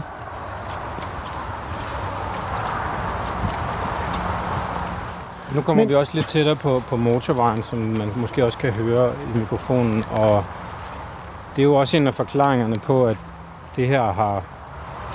Altså det har også været et areal, der har været lidt overset. Ja. Og ikke har, der har ikke været så mange, der har haft interesser i det, så vi har været heldige med ligesom at kunne kombinere et, et areal, der var... Der står en hest. Det gør der også, ja. Et areal, der var mindre øh, brugt, og så samtidig havde store naturværdier. Men ja, ja. ja, undskyld. nej, det, det, det synes man, der løber nogle grøfter her. Ja. Så der er en lille grøft, som er også på de høje målbordsblade, så den har været her altid, øh, altså i hvert fald de sidste 150 år. Ja, altid er jo et stort ord. Ja, det er rigtigt. Men den vil, øh, vil vi gerne egentlig på sigt øh, lukke, Ja, det kan jeg da godt forstå. fordi den dræner noget af det der dejlige kalkholdige grundvand, der kommer op fra kilden, og leder det hurtigt ud her. Ja. Øhm, I den her lidt større grøft. Så den lille kunne I godt lukke. Hvad med den større? Den er også en del af et større lar, altså afledning af regnvandssystem. Ah, Så den bliver noget sværere at lukke. ja. Okay. Men den lille, så kunne man holde vandet lidt inde i den mose, som det kommer fra her. Det ville jo være hensigtsmæssigt. Ja. Og så er der så en cykelsti lige der på den anden side af hestene, som er rigtig benyttet og som oversvømmer lidt om vinteren. Men det gør den allerede, så den skulle måske alligevel hæves lidt, og ja. så kunne man hæve den lidt mere, og så ville det være okay at lukke her. Okay, men, øh, men så må vi jo til det, fordi man kan snakke meget om, hvad der er i naturens interesse her. Men det er nok svært at undgå at tale om, hvad der er i menneskers interesse. Så for den, den befolkning, der bor rundt om her, og som bruger området rekreativt, hvad, hvad tænker de om, at nu er der sat hegn op? Hegn er jo noget, der virkelig giver ballade, når man snakker om at sætte et hegn op i et naturområde, der ikke tidligere har været hegnet. Vi kender det fra Naturnationalpark-balladen, eller fra Mm. Aarhus Kommunes planer om Moskov, Vildskov og sådan noget. Så hvordan har det virket her hos jer? Kan vi lave en ægte cliffhanger nu? Det er en kæmpe cliffhanger, det her. Og jeg kan se på Anders Adams, han skal virkelig tænke sig om. Og, øh, og det gløder op under hatten øh, på Anders Adams. Og Så får han først, fem minutter. først lov til at svare, når der har været nyheder. Altså, er det ikke fantastisk? Radio 4 taler med Danmark. Velkommen til Vildspor. Din vært er Rasmus Ejernes. Vi er på, øh, på bynaturtur med Anders Adams i Gladsaxe Kommune, øh, Søborg. Og her lå engang en park, og, og nu må vi godt kalde det natur i stedet for, for det er blevet hegnet ind. Man har øh, genoprettet en- et kildevæld, og man har lavet dyrene få adgang til krat og skov, og det skulle blive ret vildt altså. Øhm, og jeg stillede dig det spørgsmål, Anders, i første afslutningen af første time af programmet. Hvad synes folk så om det? Fordi det er jo øh, klart, at vi kan gå her som biologer og synes, at det er sgu da fedt, og det bliver lidt mere vildt, og der er noget, man kan stikke sig på, og myggene æder vores producer, øh, Andrew Davidson og sådan noget. Men hvad almindelige mennesker?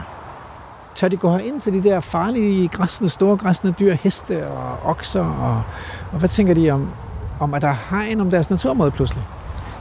Langt, langt, langt, langt de fleste er super positive omkring det.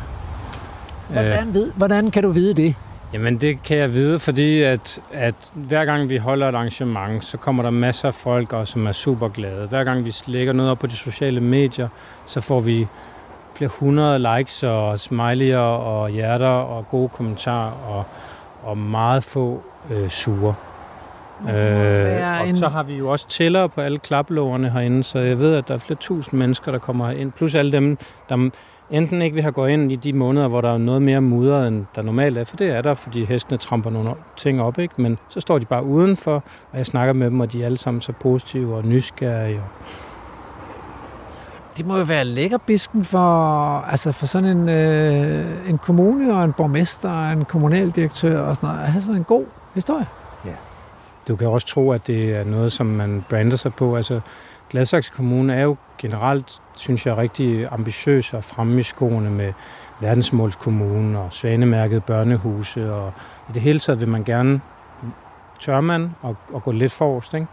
Og, og det her er på mange måder samme måde. Og, altså, vores dyr har nærmest været frontbandet på kommunens Facebook-side i de sidste to og et halvt år, fordi at man er så stolte af det. Men det, lad, nu går vi hen til de dyr der, fordi jeg, jeg, der er så mange spørgsmål til det der. Vi skal hen og kigge, kigge på dem. Altså, Det kan, ikke- det kan jo ikke passe det der. Det, det kan ikke være de samme dyr, som, som verden er ved at gå under i slagsmål omkring de der dyr, og så, og så er det bare sådan en win-win-win-historie her i Gladsaxe. Altså, hvad tænker du? Altså, der er jo ikke så mange dyr Fordi herinde. der er så få dyr, tror jeg. Måske. Prøv lige at se, bare lige et sidespor. Det er altså meget sjovt. Øh, bideskjul, det tænker man tør, tør, tørnet vækst, vækster, men det er jo også øh, bare noget, der smager grimt. Så der står jo musse, det er ranunkler, sikkert øh, bidende eller lav, ikke? og så står der musevægge indeni og blomster. Det er meget sjovt, fordi det har jeg set på, ude på Kalvebodfældet, og der står også mere den der halsnølte og rødtop, ikke? Den står i hvert fald derovre, kan jeg se den. Og der er den også, ja ja. Så, så rødtop er jo ligesom lidenskaller og, øh, og troldu og, og kovede, så er den halvparasit. Så den har lidt af sit eget klorofyld, men den har også lige stukket snabel ned ind i nogle af de andre planter, der står her, ikke? og snylter på dem. Og af en eller anden grund, så er de ret, ret gode til at klare sådan nogle tørkeperioder som nu. Så det er jo egentlig meget fin, øh, en meget fin lille sammenblanding. Men ude på Kalvebodfældet, der fungerede øh, bjergrørvenet også som, som bideskjul, så der kunne også komme ting op inde imellem de der bjergrørvener, som dyrene ikke gad at æde. Det er nemlig meget skægt. Og det fungerer jo ikke, hvis man kører og slår hø, hvor man bare slår det hele ensartet. Så får man ikke den variation. Der står de to heste. Det er. Den ene er, er, rødbrun. Nogen vil nok sige, at det ikke engang var en helt ægte konik. Men øhm, det vil nok også være klogt at blande de der raser lidt, fordi de er nok alle sammen lidt indavlet. Så De er jo, øh, hvis man går ind øh, på Kravlund Moses hjemmeside, så kan man se, at det gør Martin Sandager jo. Han har lagt nogle meget livagtige videoer op af, af de der heste, der passer. øh, på kryds af Exmoor og Konik. Jeg tror, det er med samme, samme bagtanke. Men de er jo fine det her med, at de har den her ål, den her mørke stribe på ryggen. Og de har også sådan faktisk lidt zebrastriber på, øh, på benene, på bagsiden af benene. Så der er sådan nogle træk, der, der, der er sådan lidt vildhesteagtige. Og hvorfor er det fint? Fordi det ser mere rigtigt ud end...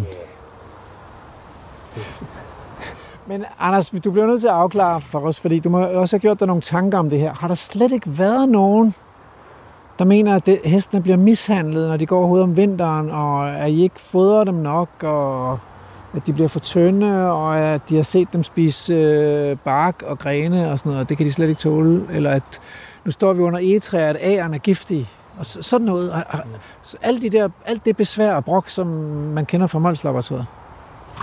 Jo, der har været nogle enkelte. Øh, men det er virkelig, kan tælles på, på et par hænder, hvor få øh, der har været. Ikke? Og så har der været øh,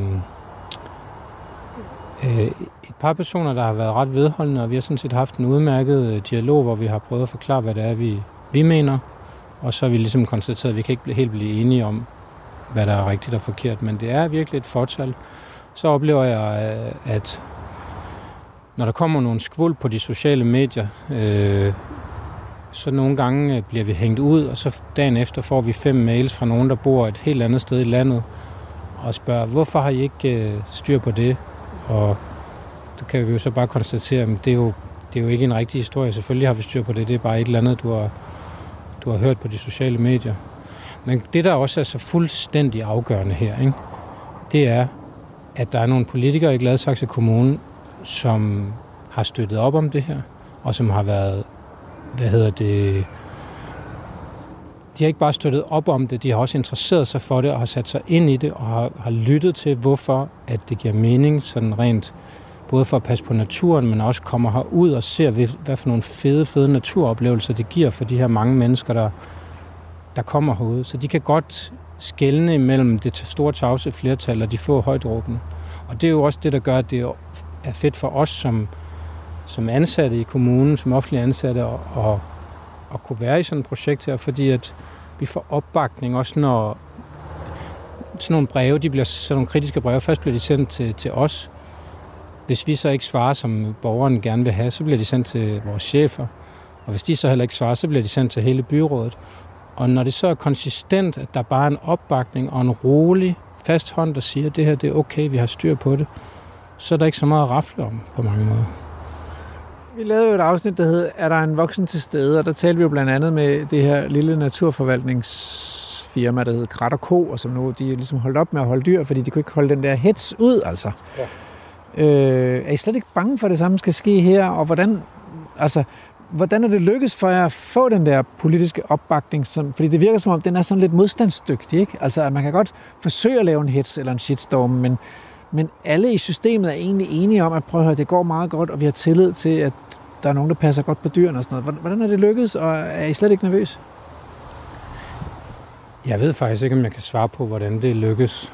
Øh, det, Skal måske, politikerne have æren, eller er det fordi, I har lavet et godt formidlingsarbejde til de der øh, mennesker, der sidder i byrådet og i, i kommunal, øh, kommunal, kommunens ledelse og sådan noget? Jamen, det er jo nok helt sikkert en kombination. Ikke? Både der er en kultur, der er den der parathed til at gå foran, men også, at, som, som jeg sagde, vi formidler rigtig meget og gør rigtig meget for, at alle ligesom hører alle de gode historier og sætter dagsordenen på den positive måde og, og er hurtigt ude og reagerer, hvis at der er noget, der ligesom bliver stillet spørgsmålstegn ved, så forklarer vi, hvordan tingens rette sammenhæng er.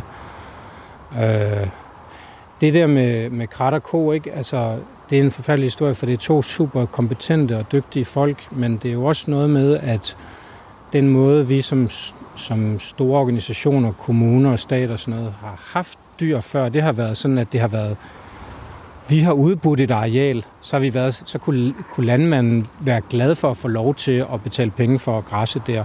Nu er det, et helt, nu er det anderledes. Nu køber vi, vi betaler for at få en, en vare, der er øh, natur og biodiversitet. Og, og ikke nok med det, så er det også, så også under nogle nye forhold med helårsgræsning og vinter og så videre. Ikke? Og der må vi bare være klar til at stå foran. Altså, sådan, vi ikke øh, overlader til de der stakkels små, øh, få mennesker, men vi må stå som en stærk organisation, som trods alt stadigvæk har ret meget tillid i befolkningen, som, som offentlighed myndigheder jo har i Danmark heldigvis. Okay, men hvem ejer så de dyr her? Det gør vi. Hvem, hvem er det så, der skal gå og se til dem hver dag? Ja, der har vi så været super heldige lige her, at vi har sådan lige derovre på den anden side af bakken, 150 meter fra folden, der ligger der en børneinstitution, en kommunal børneinstitution. Og der arbejder Katja, som er god til børn, men hun er også god til dyr, fordi hun er nemlig uddannet dyrepasser. Og hun passer også de par små klappeheste og hængebusvin og hvad de ellers har derovre. Så da vi fandt det, ville starte det her projekt, så var Katja der også. Og øh, ikke nok med, at hun bare er super kompetent og super dejlig menneske, så havde hun også lige, hun var ikke på fuld tid og ville godt have lidt flere timer. Så hende kunne vi få til at være med herover til at se til dyrene. Og hun har også et, et setup, fordi, hun, fordi de også selv har heste, så hun har også nogle weekendpasser, altså nogen, der hjælper hende, når hun er på ferie eller holder weekend med at se til dyrene. Fordi der er jo dagligt tilsyn på heste. Men de tager vel ikke børnene med herind? De kan blive slået ihjel af de store dyr. Altså, Katja har jo bare sat et par ekstra timer, hvor hun klarer det der. Men du kan tro, der kommer børn herind. Der er masser af daginstitutioner, der har lagt deres ugenlige... De har en ugenlig rute herind, fordi de skal hen og sige hej til dyrene. Et kæmpe tilløbsstykke på det. Nu var de ikke opsøgende, og jeg er ellers rimelig vant til, at når jeg skal på feltarbejde, så er det værste, der kan gå ind i en folk, det er hesten. Ja. Altså, fordi de skal hen og undersøge, hvad man har i lommerne, og de skal å- forsøge at åbne ens taske og vælte ens kurv og sådan noget. ikke? Men de gik jo bare deres vej. De stod her lidt og var ikke sådan specielt generede. Og så nu er de bare gået. Ja. Så står vi her tilbage med håret i postkassen. Det var meget fint. Det var heller ikke altid sådan der, skal jeg være ærlig at sige. De, der er nogen, der engang imellem giver den en gulerod, og de er nogen i perioder opsøgende. Mere om vinteren end om sommeren, oplever jeg. Men det har I ikke forbudt, eller hvad? Må man godt... Nej, det har vi bestemt sagt, at det skal man ikke gøre. Fordi vi vil ikke have, at de bliver opsøgende, fordi at det er der, der kan opstå en farlig situation, når de bliver vant til at gå i lommerne, og pludselig kommer der en på seks år og, og bliver væltet om kul eller et eller andet. Ikke? Øh, så kan man vifte med armene og råbe lidt, så flytter de sig.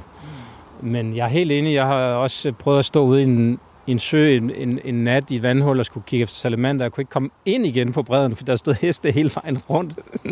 så det... øh, Men, men det er bare noget øh, generelt, altså igen også, når det er store arealer, det er så nemt at holde afstand til dyrene.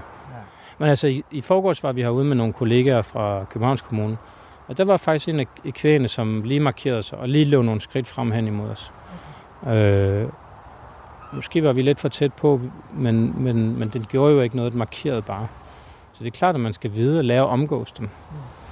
Men øh, børnene kommer herind i høj grad, ja. Har godt nok også dejligt. Det er utrolig dejligt. Hvad skal vi, hvad skal vi se? Skal vi lige se den trænede snære? Ja, det skal vi. Det er en dejlig plante. Den er på positivlisten hos de fleste botanikere. Hvorfor? Det er fordi, at øh, den vokser tit sådan nogle fine steder. Så det er sådan en god indikatorart for øh, lækker natur. Sådan lidt næringsfattig, lidt, lidt øh, fugtigbunds eller rigebundspåvirket. Der er godt nok mange, øh, der bliver, det bliver en lindeskov. Det vælter op med lind alle mulige steder. Ej. Der er pænt meget af den her, hva'? Der er pænt forstår den meget. smukt, altså. Den- Og så, og det er sådan lidt, den har sådan lidt det der skovbrynsagtige over, så den står også lidt derinde i bideskjul, ikke? Mm.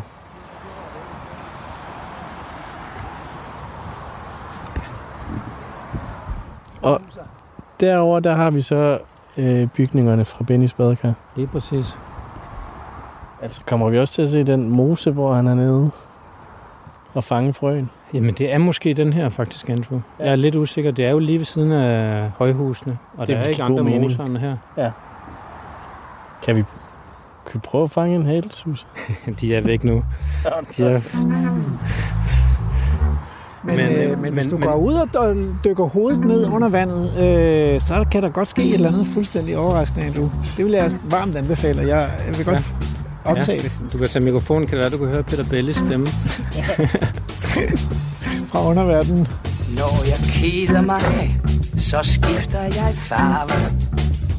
Og jeg gemmer mig, så jeg bliver helt væk. Når jeg keder mig, så skifter jeg farve. Og jeg gemmer mig, så jeg bliver helt væk. Jeg leger cowboy. Vi befinder os i Søborg, tæt på den gamle hovedsæde for Danmarks Radio. Og, øh, og her har historien om Bennys badekar udspillet sig. og det ved vi, fordi det, det ved øh, Anders Adams, som er naturforvalter her i Gladsaxe Kommune, og øh, medansvarlig for indhegningen af denne tidligere park, og nu vilde naturområde, hvor der går Galloway, to Galloway-køer og to konikheste, for det er det, der er mad til, når de skal gå her året rundt. Sådan cirka. Og de går i et varieret naturområde med øh, tørre bakker, øh, et lille kildevæld, mose, krat, skov. Altså det, det, kan, man kan, det er meget svært at forestille sig, at det kunne være meget mere varieret på, på 12 hektar. Så det er jo en størrelse, der er en tiende del af Mols og derfor er der også meget færre dyr. Og det, der så er lidt fascinerende her, det er, at befolkningen, og der bor jo mange tusind mennesker omkring. Øh, vi er jo nærmest i København. Øh, så ja, de er glade, altså. Og politikerne i Gladsaxe Kommune, de er også glade. Og indimellem får de et vredt brev fra en eller anden borger, der synes, det er også for galt, at dyrene går ude om vinteren. Men, øh, men der er opbakning til projektet, og derfor så ryster man ikke i bukserne over at få sådan et vredt brev, men, men kan svare øh, pænt og høfligt, og så leve med, at der ikke er enighed alle steder. For det er vel, altså, man kan jo ikke, man kan ikke gøre alle glade, Anders. Nej, nej, selvfølgelig ikke. Fordi der er jo nogen, der synes, at det var bedre, hvis de der heste, de stod med hovedet nede i et fodertro øh, hele vinteren og inde i en, inde i en varm stald. Ikke? Øh, og det, det kan være svært at overbevise folk om, at det er ikke sikkert, at hestene ville synes, det egentlig var federe. Men øh, ja, det er meget populært, og vi jo starter jo et, øh, et nyt projekt her efter sommerferien sammen med Herlev Kommune ude i den her smør fedtmose, hvor vi også laver helårsgræsning på et lidt større areal. Og vi har også for ikke så lang tid siden vedtaget en plejeplan for et tredje areal, hvor der også er skrevet ind i den, at der på sigt kan komme øh, helårsgræsning. Så, øh, så det vil man gerne fortsætte med og gerne vil have mere af.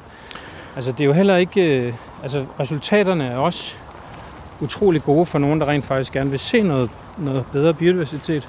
Ja. Der kan vi virkelig hurtigt vise noget. Ja. Øh, hvor høslettet kan du bruge overvis på, at der ikke rigtig sker særlig meget.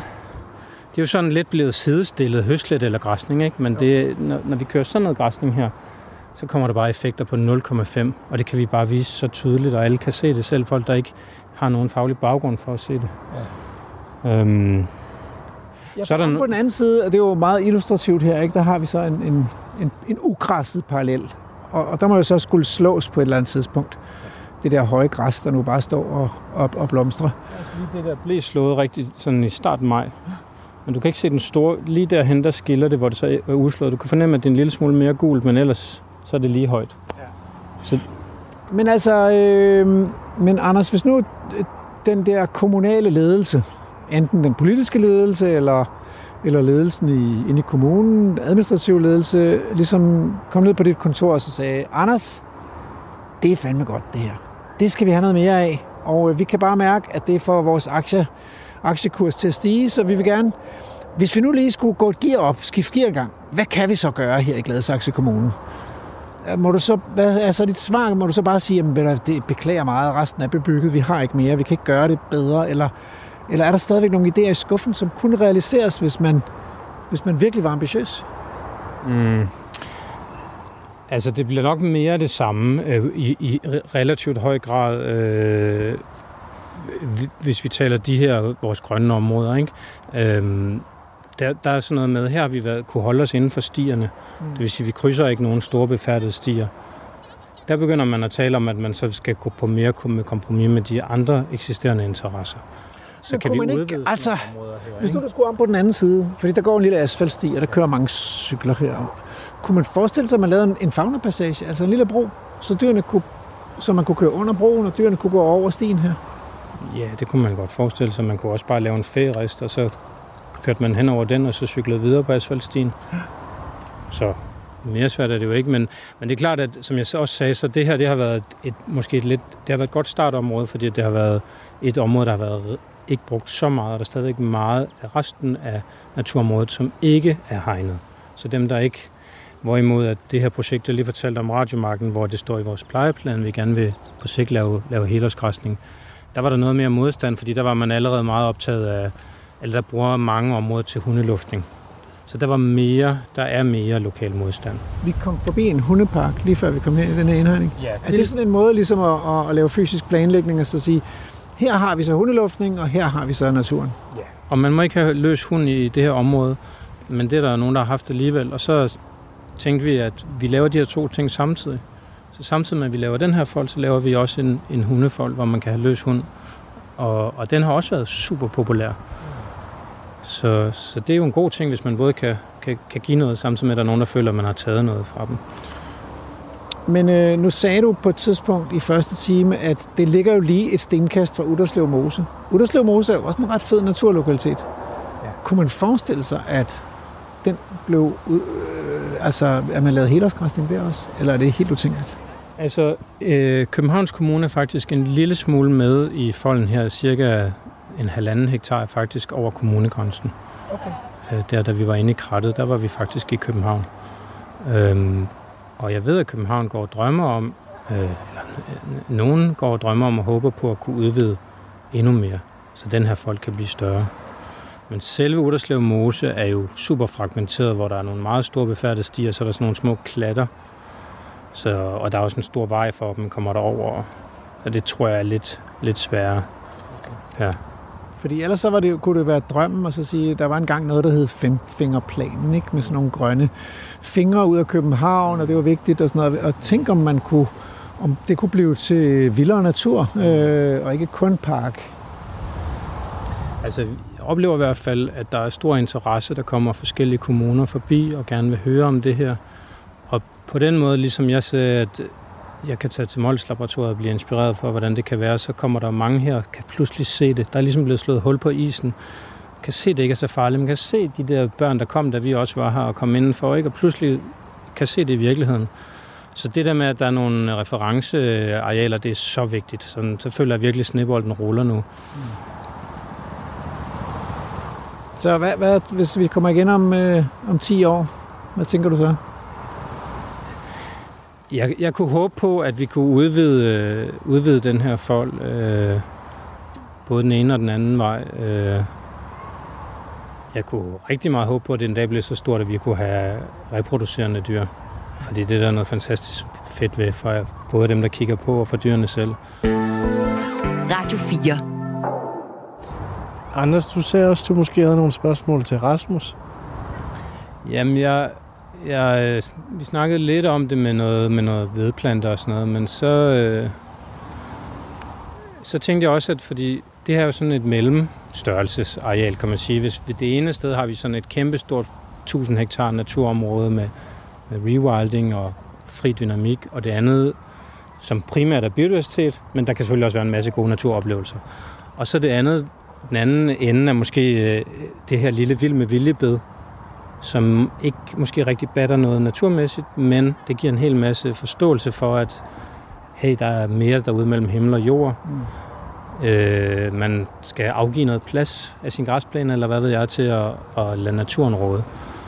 Og her synes jeg lidt, vi er måske midt imellem, fordi at, at vi er egentlig også store nok, tænker jeg, til at vi faktisk godt kan være en trædesten for nogle arter. Mm. Der kan godt være nogle, altså en sourcepopulation af nogle arter, altså sådan, at der kommer et overskud her.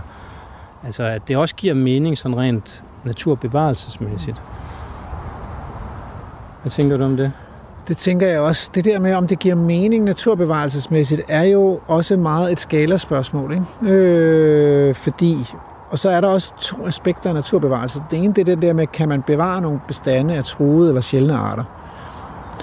Hvis man ser på det alene, så, så kommer man hurtigt til den lidt triste konklusion, og så skal vi satse på Andesbjergene og Østafrika og Indonesien. Øh, Øh, mens at hvis vi tager den anden dimension af, af naturforvaltning, som er det der med, kan vi skabe et vildt naturområde, som folder sig ud og giver glæde og oplevelser og også læring om, hvad det vil sige, når natur er vild og finder sted på sine egne præmisser, så giver det jo lige så meget mening at lave det i Danmark, som det gør at, at lave det nede i Afrika. Og, og på den, hvad det angår, og måske også hvad de sjældne arter i Danmark angår, så er betyder størrelse selvfølgelig noget, men, men jeg synes, jeg, jeg får jo meget ud af at tilbringe tid i min vilde have derhjemme, fordi jeg lærer, og jeg lærer sindssygt meget af det, ikke? Altså selvom jeg har haft min finger med i spillet mange steder, så foregår der også ting, som jeg ikke anede ville ske, og, og, øh, og den der måde, de der arter arter sig mellem hinanden, og de insekter, der flytter ind, og hvor pokker er de må komme fra, og sådan noget, det er jo vanvittigt spændende. Ja. Og det synes jeg har en anden, en anden rele- relevans og meningsfuldhed, fordi det også er at lade naturen udspille sig på sine egne vilkår. Det er så ikke helt lige så vildt, som hvis man så giver op i størrelse, hvor man kan give plads til nogle flere processer. Der hjemme hos mig, der foregår det med le og, og plæneklipper. Det er det, der forstyrrelsen går ud på, ikke? og så indimellem river jeg lidt i overfladen. Her der er det så dyrene, så der er I gået et skridt op i vildhed. Og der er heller ikke noget kilde. Jeg har en spand, der er gravet ned i haven. Jeg har ikke noget kildevæld. Så her har I et kildevæld, fordi der kan alligevel være lidt naturlig hydrologi. Ikke? Mm. Og det er vel det, som størrelsen giver, altså muligheden for, at man kan tillade nogle lidt vildere processer, det synes jeg. Og det er fascinerende, at det kan foregå i så tæt befolket en kommune som Gladsaxe, altså. Det synes jeg. Men det er ikke meningsløst at have det der vild med viljebede. Vi kommer jo lige ind for Universitetsparken, ikke? Der er også nogle vild med viljebede.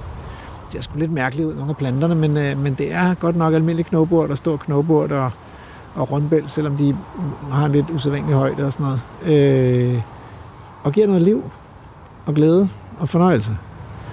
Så jeg, jeg, så jeg tænker også, det er jo selvfølgelig også fordi, at jeg tænker meget af det der øh, med biodiversitet og vild natur, som også noget, vi, noget, vi mennesker giver os selv og hinanden. Ja. Lige så meget som det er, at vi redder planeten. Jo. Jamen, jeg synes heller ikke, det var ikke før, jeg tænkte, at Vild med Vildebed var meningsløst. Jeg tænkte bare, at det var meget noget om naturoplevelse, naturformidling. Ja. Og her er vi måske både naturformidling, men faktisk også nogle levesteder for nogle ja. halvsjældne arter. Ja. Fordi det er sådan lidt større, lidt mere varieret, som du siger. Ja. Det tænker jeg også. Og meget sjovt, det der, at I har lavet det der assisteret spredning fra et lille refugium. I har fundet et lille refugium her på egnen, ja. og så har I sagt, nu, nu, nu styrker vi lige ja. nogle af de planters bestande, ja. eller giver en mulighed for, at de kan få et større levested. Ja. Det er jo en interessant fremgangsmåde.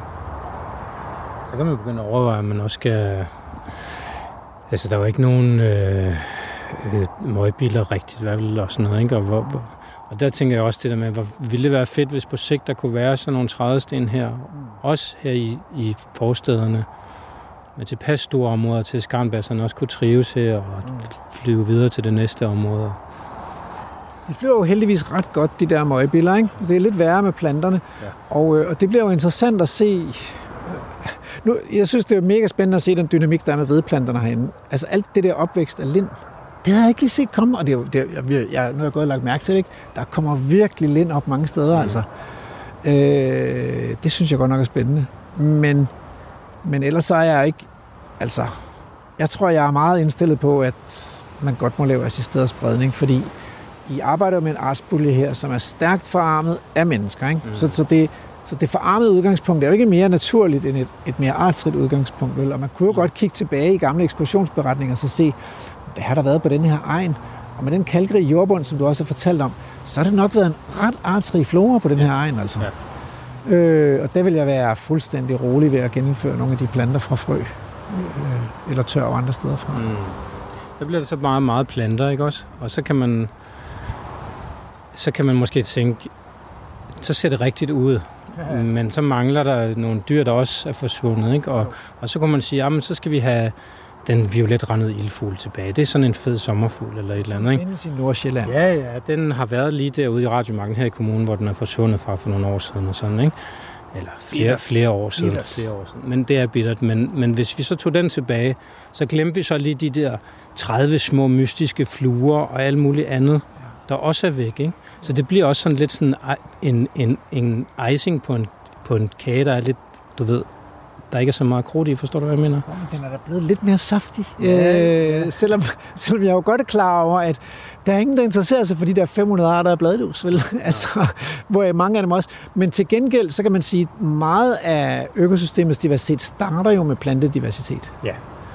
Øh, så udover at have mange forskellige, det der kalder kulstof ekspansion, altså at man får bygget kulstof op, men også får diversificeret kulstoffet. Og forskellige plantearter er jo en måde at putte, putte fordele sådan noget organisk kulstof i mange små puljer, som man kan spe, være specialiseret i. Ikke? Og mange af bladlusene spiser kun en best- en bestemt plante. Mm. Men det andet, vi også, man kan med kulstof, det er jo de gamle træer, og der er jo, har jo et forspring her, for de har faktisk gamle træer. Hvis ikke de kommer i brændeovnen, eller i biomassefyret, Mm. så bliver det jo til noget herligt dødt ved. Og det er jo allerede i gang, som du også har vist os på rundturen her. Ikke? Mm. Ja, men jeg siger heller ikke, at jeg overhovedet er modstander. Jeg synes bare, det er svært, fordi man altid vil komme til at skulle vælge, hvem det er, man flytter, og hvem man ikke flytter, og hvem man ikke kan flytte. Og, øh, det der overdrev, man har genskabt med, øh, med nogle fede plantearter, men der er ikke en eneste vokshat. Og, Ja, den, jeg har ikke fået vokserne til at indfinde sig i haven derhjemme, som har to arter, men altså, det, det, det tager bare lang tid, altså. Ja. Jeg ved ikke, hvad det er, der skal, skal til, altså. Kommer der vokser det her? Ja, der kommer nogle af de almindelige snehvide og, og voksgul, og, men der er for eksempel ikke, ikke en eneste vokshat nede på det der gamle overdrev. Jeg fatter det ikke. Men der er faktisk et par her af de mere almindelige. Er der anden naturforvaltning, som vi skal se, eller hvad tænker du? Altså, vi kan jo godt overveje at tage det op og se vores, øh, vores bøgetræ i Aldersvile, hvis I har lyst til det. Det kan et eller andet, synes jeg. Også fordi øh, Aldersvile lugter lidt af ældrepolitik. Og, øh, og de fleste kommuner mangler jo en ældrepolitik for gamle træer. ja. Og spille skal du få.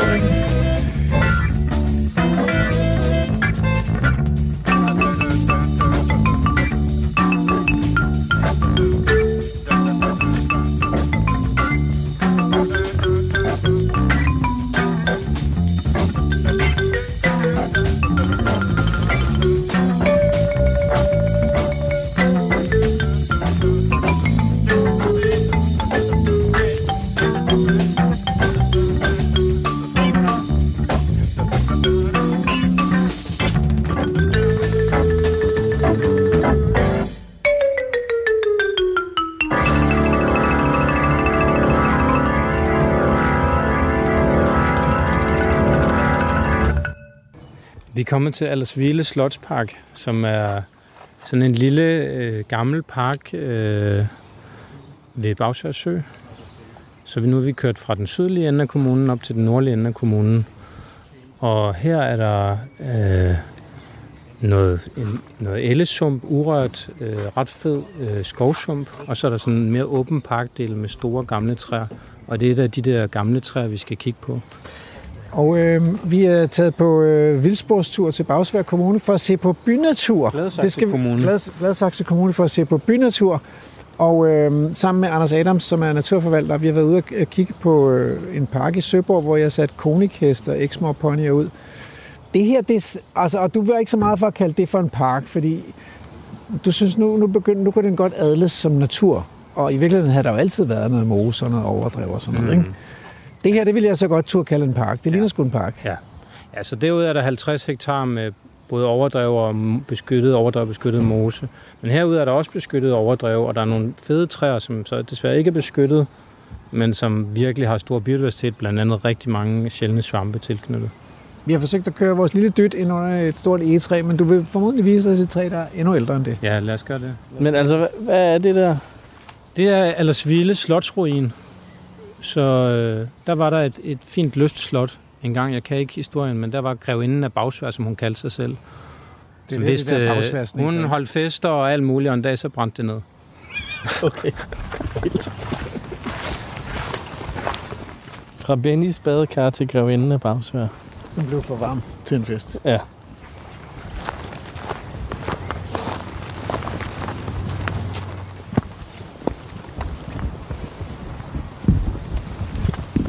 Altså der er der jo eksempler på noget af det, som man kan gøre med gamle træer, skære toppen af, hvis, hvis man synes, at det er for tæt på vejen, men man alligevel gerne vil bevare ligesom, øh, øh, træet levende. Det er et bøgetræ. Ja. Og øh, det har lige mistet toppen. Og, og det øh, for nylig på de sociale medier i en eller anden tråd. Jeg tror, det var faktisk, det startede med, at Carsten Thomsen konstaterede, at en ultra sjælden svirreflue bare kun var i træer, der var angrebet af stor kulsvamp. Og så var det, jeg kom i tanke om, at det er jo det sikreste kendetegn, hvis man arbejder med træers sundhed. Det er, hvis de er angrebet af stor kulsvamp, så er de farlige, så er det risikotræer, så skal de bare ned. Øhm, og så kommer vi til at tale om, at det er jo, så får man jo udryddet levestedet for nogle af vores aller sjældneste arter. For det var åbenbart ikke kun den svirflue, det var faktisk en, der er en del arter, der lige præcis kommer i den type af angreb med træer. Så kulsvamp er måske ligefrem sådan en, en nøgleart øh, for andre vedboende arter knyttet til bøgetræer. Ja, det var jo faktisk den gode Thomas Kjelle, vi allerede har talt om, der viste os mig det træ, der vi var dernede og genfinde den. Den er ikke set i Danmark i seks øh, år. Hvad var det for nart? Jordhumlesvirflue, mener den hedder. Ja. Klædt ud som en stor øh, humlebi. Den er fantastisk flot. Øh, men den sidder kun på de der gamle træer. Og ja, jeg tænker, at kulsvamp kunne godt være en nøgleart. Måske ikke, at det specielt er kulsvampen, men bare det, at den er jo meget almindelig kulsvampen, og den nedbryder træet på sådan en langsom måde, og, og ja, der er nogle af dem, der vælter hurtigt, og det er jo derfor, man er bekymret for kulsvamp med risikotræer, men der er altså også utrolig mange, der står. Dernede har vi store bøgetræer med plamage på flere kvadratmeter af, af, af kulsvamp, ikke? og de står fint der. Det, det, er, det er en meget idyllisk lille park. Nu kommer vi over sådan en, en, en bro, der går over en kanal, og der flyver nogle ænder rundt, og,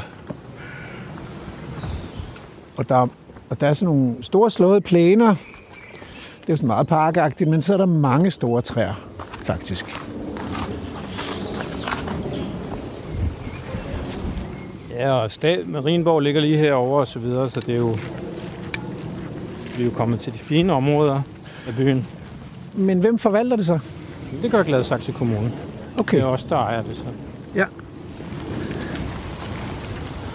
Og øh, som, som I også kan se derovre, så også inde i skovpartierne har vi en del øh, dødt ved døde træer. Der er faktisk øh, en rigtig fin tradition her i Gladsaxe for at... Og, og, Hej. Der er en fin tradition for at bevare de der træer inde i, inde i nogle af, af skovområderne, men nu har vi så også øh, kigget på det herude i en mere åbne parkdel, hvor folk også hænger ud på græsset og, og så videre, ikke? Øh, der kan du se den der lyng der der, der er skrabet og med øh, dværgperikon og sådan. Ja. Det er også lidt sjovt at have lyng. Her. Så det der med at have, og så her er den her, øh, det var jo øh, den her konkurrence, Danmarks vildeste kommune, som animerede os øh, til at, at, at beskytte det her bøgetræ noget mere, den mangestammede bøg, som vi kalder den. Det er den, der står. Og der, der, I har sat et hegn op omkring den, og så er der skilte. Vi skal lige hen og se, hvad der står på de skilte der. Fordi det er jo ikke, fordi der går græsne dyr ind i den indhegning her. Det er det, man kan kalde en symbolsk indhegning. Det er det, Den er der. nem at passere, og det er man velkommen til, men det er på eget ansvar. Vi vil ligesom gøre det tydeligt, at der foregår noget her.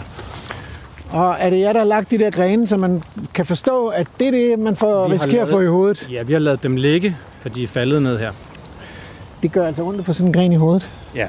Det er jo måske også derfor, at der er nogen, der, der tænker, det kan vi simpelthen ikke byde borgerne. Den flerstammede bøg, og så står der her, Gladsaxe, så står der, på grund af fare for nedfaldende grene frarådes færdsel inden for hegnet. Du står foran den ikoniske flerstammede bøg, træet er over 150 år gammel. Ja, der, den er mange stamme, den der bøg. Mm. Og det er den vel blevet, fordi den er vokset op i lys. Ja. Øh, hvordan ved I, hvor gammel den er?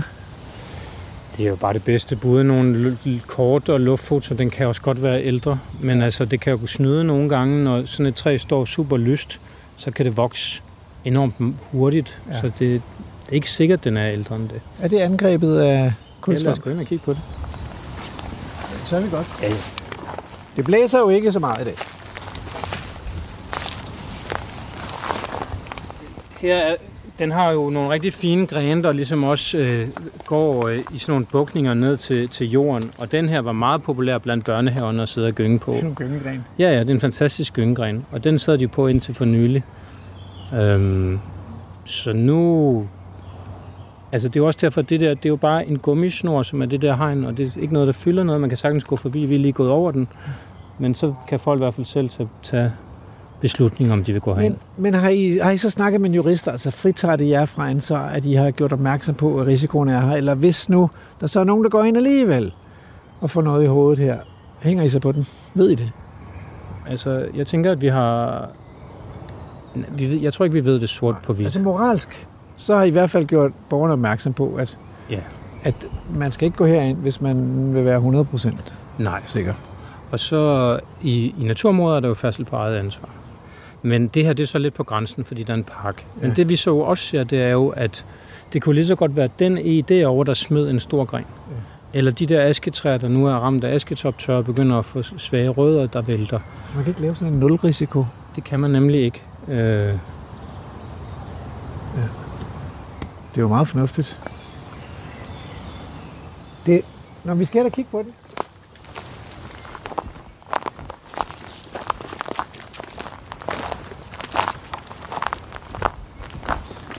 Det ser jo umiddelbart meget sundt ud, altså. altså her er kulsvampen. Delen. Så det er de her sorte Ja, se. som... Øh, Ligesom der, er revne, der er en revne her imellem nogle af Ja, de her ja. ja. grene. Ja. Og der sidder en kulsvamp, men Ja. det kan jeg godt se. Så den er i gang med at spise af træet her, ja. mens det er i live. Og det er jo øh, naturens egen måde at veteranisere det her bøgetræ på. Og der er jo mange, der tror, at alle de her insekter, der lever i, øh, i træ, de spiser træ. Men vi svampefolk, vi ved jo, at de spiser svampe. Fordi det er kun svampen, der har knækket nøglen til at nedbryde lignin og cellulose effektivt. Det er nemlig det. Til gengæld kan de jo så være med til at sætte fart i nedbrydningen, fordi de så kan øh, ligesom findele det materiale, som svampene så kan vokse i. Mm, og elmebakbillen og, og elmesygesvampen, der har jo et, den, de bliver flyttet rundt. Med hinanden. Ja, lige præcis. Ja. Øhm, men det der med... Nok. Men der er jo også lidt huller i rundt Ja, er nemlig, når du ikke? kigger efter, ikke, Ja. så...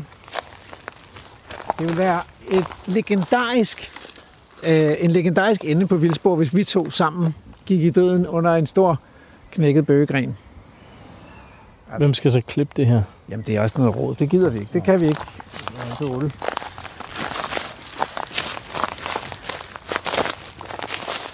Men altså, jeg kan da godt se, godt se hvad du mener. tab. Hvad? Mener du, du vil være det største tab på programmet? Nej, men Altså, programmet, programmet skal vel ud, så folk kan Jo, høre men, det. det, men hvad så med de kommende programmer? Der ikke bliver sådan noget, fordi jeg ikke er her. Det er vel vores svanesang. Altså, nogen skal jo klippe det, for at det kan komme ud. Nå, det kunne Emma vel godt ordne, altså.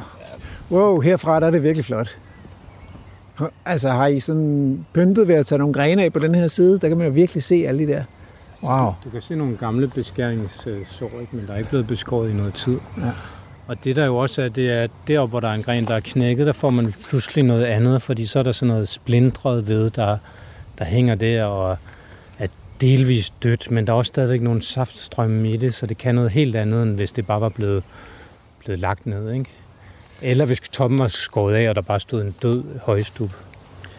Men noget af det, som, øh, som vi biologer nogle gange øh, ærger os over og græmmer os over, det er jo, at i Danmark, der virker det som om, at træpolitik, det mest handler om, at træerne skal være sunde og raske. Og det vil sige, at hvis de begynder at skrænte, så bliver de fældet, og så planter man et nyt, og så tænker man, så er den ged barberet, og så er alt godt. Men det tager jo 100 eller 200 år at lave et rigtig spændende træ, altså som er fuld af, af levesteder for alle mulige andre arter. Så det, man kan jo ikke erstatte et, et gammelt affældigt træ med et ungt træ. Det ved du jo også godt. Mm. Så hvordan, og, og, og det, ser jo, det er jo svært at få plads til, sådan et træ her vil jo ikke stå i en dansk produktionsskov, vel? fordi det er jo dårligt tømmer, og det er jo, det er jo alt for sent, at det er blevet fældet, og det skulle aldrig have vokset op i lys og sådan noget. Mm. Men i byrummene, der har vi jo sådan nogle træer stående, som bare har fået lov til at vokse frit og uhemmet og brede sig og blive grenet og få alle mulige levesteder. Så det er jo ikke helt... Nu spurgte du om det der med, giver det egentlig overhovedet mening at lave naturforvaltning i de der relativt små arealer, man har inde i byerne mellem bygningerne og husene og vejene og sådan noget. Men lige præcis med træerne, der er godt nok mange gamle træer inde i byerne, Mm. så der giver det jo mening. Ja, absolut. Jeg, jeg synes heller ikke, det var ikke min mening at spørge om, om det gav mening. Det var mere bare om, hvor meget det battede. Og jeg er helt enig med dig i, Her at kan det lige, virkelig, her kan det batte noget. Der er en skjult og overset skat i de her gamle træer, i de her parker. Og der er en dobbeltskat, fordi som du sagde, der er også blevet fundet rasende sjove og spændende svampe herinde. Og yes. det er jo også fordi, at det her, det her miljø, altså hvis man skal forestille sig at skrue tiden en million år tilbage, og så lede efter noget, der lignede det her, så ville det jo være sådan et åben græsnings savanneagtigt landskab, hvor nogle træer er kommet ud af bidehøjde, og så har de fået lov til at udvikle sig fuldt ud. Men så er der lyst omkring det, fordi der går græsne dyr. Ja. Det vil være sådan et parkagtigt landskab. Øh, og det er jo ret fascinerende, at de kan være sindssygt artsrige. For blandt andet svampe og insekter. Mm. Som er vores to mest artsrige grupper. Præcis. Okay, men så til den praktiske del af det. Så hvad, hvad skal der til for at sikre, at, at, vi får en, en, et andet forhold, altså et, et mere sådan kærligheds- og respektfuldt forhold? Nu hedder det Allers Hvile, og det var ikke for sjov, at jeg talte om, at vi skulle, vi skulle tale om den her ældrepolitik for træer. Altså, hvad skal, hvem, hvem i kommunen skal ligesom træffe den beslutning? Og hvor skal, det, hvor skal beslutningen være skrevet ind henne, og hvordan skal man Mm, gøre? Mm. Ja, men det er jo nok i virkeligheden en, en, igen en politisk beslutning, ikke? fordi at det, risiko handler jo om, altså man kan ikke, som vi også talte om lige før, skrive sig fuldstændig ud af risiko. Der er risiko ved alt. Ja. Øh, men vi har jo alligevel biler, der kører på vejene, og vi kunne sætte hastigheden ned i morgen til 30 km på alle veje, så vil vi spare nogle menneskeliv. Ja. Øh, det er et faktum, men vi har ligesom afvejet, at sandsynligheden, øh, risikoen er tilpas lille. Og det er jo lidt det samme med de her træer. Risikoen for, at der er nogen, der får noget i hovedet, er så lille i forhold til den fantastiske gevinst, der er både for biodiversitet, men også for, at vi kan stå her og nyde det. Så det er jo sådan en afvejning, hvor der ikke er noget rigtigt svar. Men det er bare, hvor meget man er villig til, og man kan jo, I burde jo spørge dem ude i dyrehaven, hvordan de gør det der. Der har de jo kun nærmest sådan nogle store træer stående her, ikke også? Jo. Og, og der er der tusindvis, hvis ikke hundredtusindvis af gæster hvert år. Det er Danmarks mest besøgte naturområde, Ja, ja, ja, Jersborg Dyr. ja, ja. Så det er jo rigtigt nok. Men det kan være, at de undgår, at træerne står lige ved vejene og stierne, som de fleste mennesker bruger til at færd. Her er der jo ikke noget... øh, Det her træ står jo ikke lige ved en tæt befolket sti. Nej, men det kunne godt nå lige en sti, hvis det var. Ikke? Altså, men, men det er også meget øjnene, der ser. Vi, vi havde... Øhm, vi havde et projekt med en sø, hvor der skal bygges sådan en lille platform, hvor børn øh, i de kommunale institutioner kan komme ud sådan formidling og lære om naturen og sådan noget. Og der øh, var, var den landskabsarkitekt, jeg lavede det sammen med, hun var overhovedet ikke bekymret for det der med det dybe vand. Det var hun bare sådan, det kan de jo bare, det kan de jo bare håndtere, og der er jo nogle pædagoger og sådan noget. Øh, det var jeg lidt bekymret for. Øh, jeg var til gengæld overhovedet ikke bekymret for de der træer, der stod over, men det var hun. Skal vi ikke lige fjerne den der gren og sådan, ikke? Så risiko er jo også bare super individuelt, hvad man opfatter som det, og og det er svært at forholde sig rationelt. Der, er- der er jo ret mange mennesker, der er druknet i Aarhus, efter at man øh, fritlagde øh, de der indre øh, vådområder vandløb nede ved ha- havnen. Ikke? Ja. Øh, Ja. Så får man lidt for meget drik, og det er lidt mørkt, og så falder man, Ja, falder man ja. i og kan ikke komme op og drukner. ja, så Øh. du skal spørge en, en, en filosof og en etiker og en, måske en politiker om, hvordan man... Håndtere risiko. Ja, Okay, men en ting er at håndtere risiko, noget andet er at håndtere risikotræer. Nu har I valgt en løsning her. Ja. Den er ikke så udbredt. Men den oplagte løsning gik vi jo så forbi på vejen ned. den er ikke så udbredt i Danmark, men altså for eksempel i England er det jo sådan her, man rigtig meget gør det. Okay. Jeg har set Øh. de der små, øh, små skilte der, øh, hvis, de har, hvis de har vasket gulv et sted, et offentligt sted. Be, beware, the floor is slippery, eller sådan noget. Altså, caution, the Ja. floor is slippery. Ja. Jeg tænker, "Ej, come on, hvor meget skal I ligesom advare os om risiko her? Øh, nå, sådan, sådan gør de også i England. Men alternativet, det så vi jo, det var det der med, at man kunne jo topkappe det. Ja. Og lade hovedstammen stå, som Ja. er måske den, der rummer de fleste levesteder. Ja. Og så skærer, skærer grenene af, så hele toppen og, og de lange store grene ikke er så tunge. Mm. Og risikoen for, at det vælter ned, er meget mindre. Mm. Det er rigtigt. Det, det er så ikke helt lige så flot, træet. når man Nej, så har det er ikke lige så det. flot. og Jeg er, jeg er sikker på, at du også mister nogle levesteder i den proces. Altså noget af det der, som jeg sagde, der kommer ved, at det knækker og sådan splindres træet. Ja, det sker jo ikke. Det, hvis man forhindrer det, Nej. så sker det jo ikke. Nej. Øhm, og hvis man hvis det ikke har så mange øh, lavt satte sidegrene, så kan du nemt risikere at slå det ihjel, når ja. du Ja. tager toppen af det. Ikke? Og det hørte jeg lige for nylig med flagermus. Det har, man, det har man gjort før med flagermus. Sagt, okay, vi har et flagermustræ her, der er en flagermuskoloni, de er strengt beskyttet, bilag 4 arter i EU, så dem kan vi ikke bare nedlægge den her ynglekoloni, men vi kan godt tillade os at topkaptræde, hvis vi er rigtig bange for, at det vælter ned i hovedet på nogen. Ja. Problemet er bare, at de her flagermus, de vil ikke bo der efter kort tid, fordi at øh, indeklimaet ændrer sig. Det kan man sagtens forestille sig, hvis træet dør. Ja. Så ændrer indeklimaet sig fuldstændigt inde i deres hule derinde. Øhm, så der er rigtig mange arter, der er knyttet til, at det er levende. Men det kunne man vel også... Sådan, det ville vel skyde igen, ville det ikke det, hvis man... Øh, Men hvis, på et tidspunkt er det jo så svækket også netop af kulsvampen, så, Ja. så får du svært ved at, tror jeg...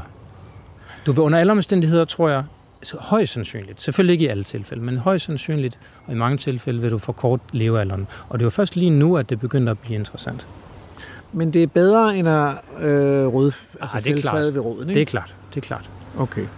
Så, men du er ikke, du er ikke øh, helt tilfreds med, at man bare kan topkap træet, fordi der er en lille risiko. Så skal det være en betydelig risiko, og så er vi tilbage ved det der risikoudmåling Ja, og hvor det står, ikke?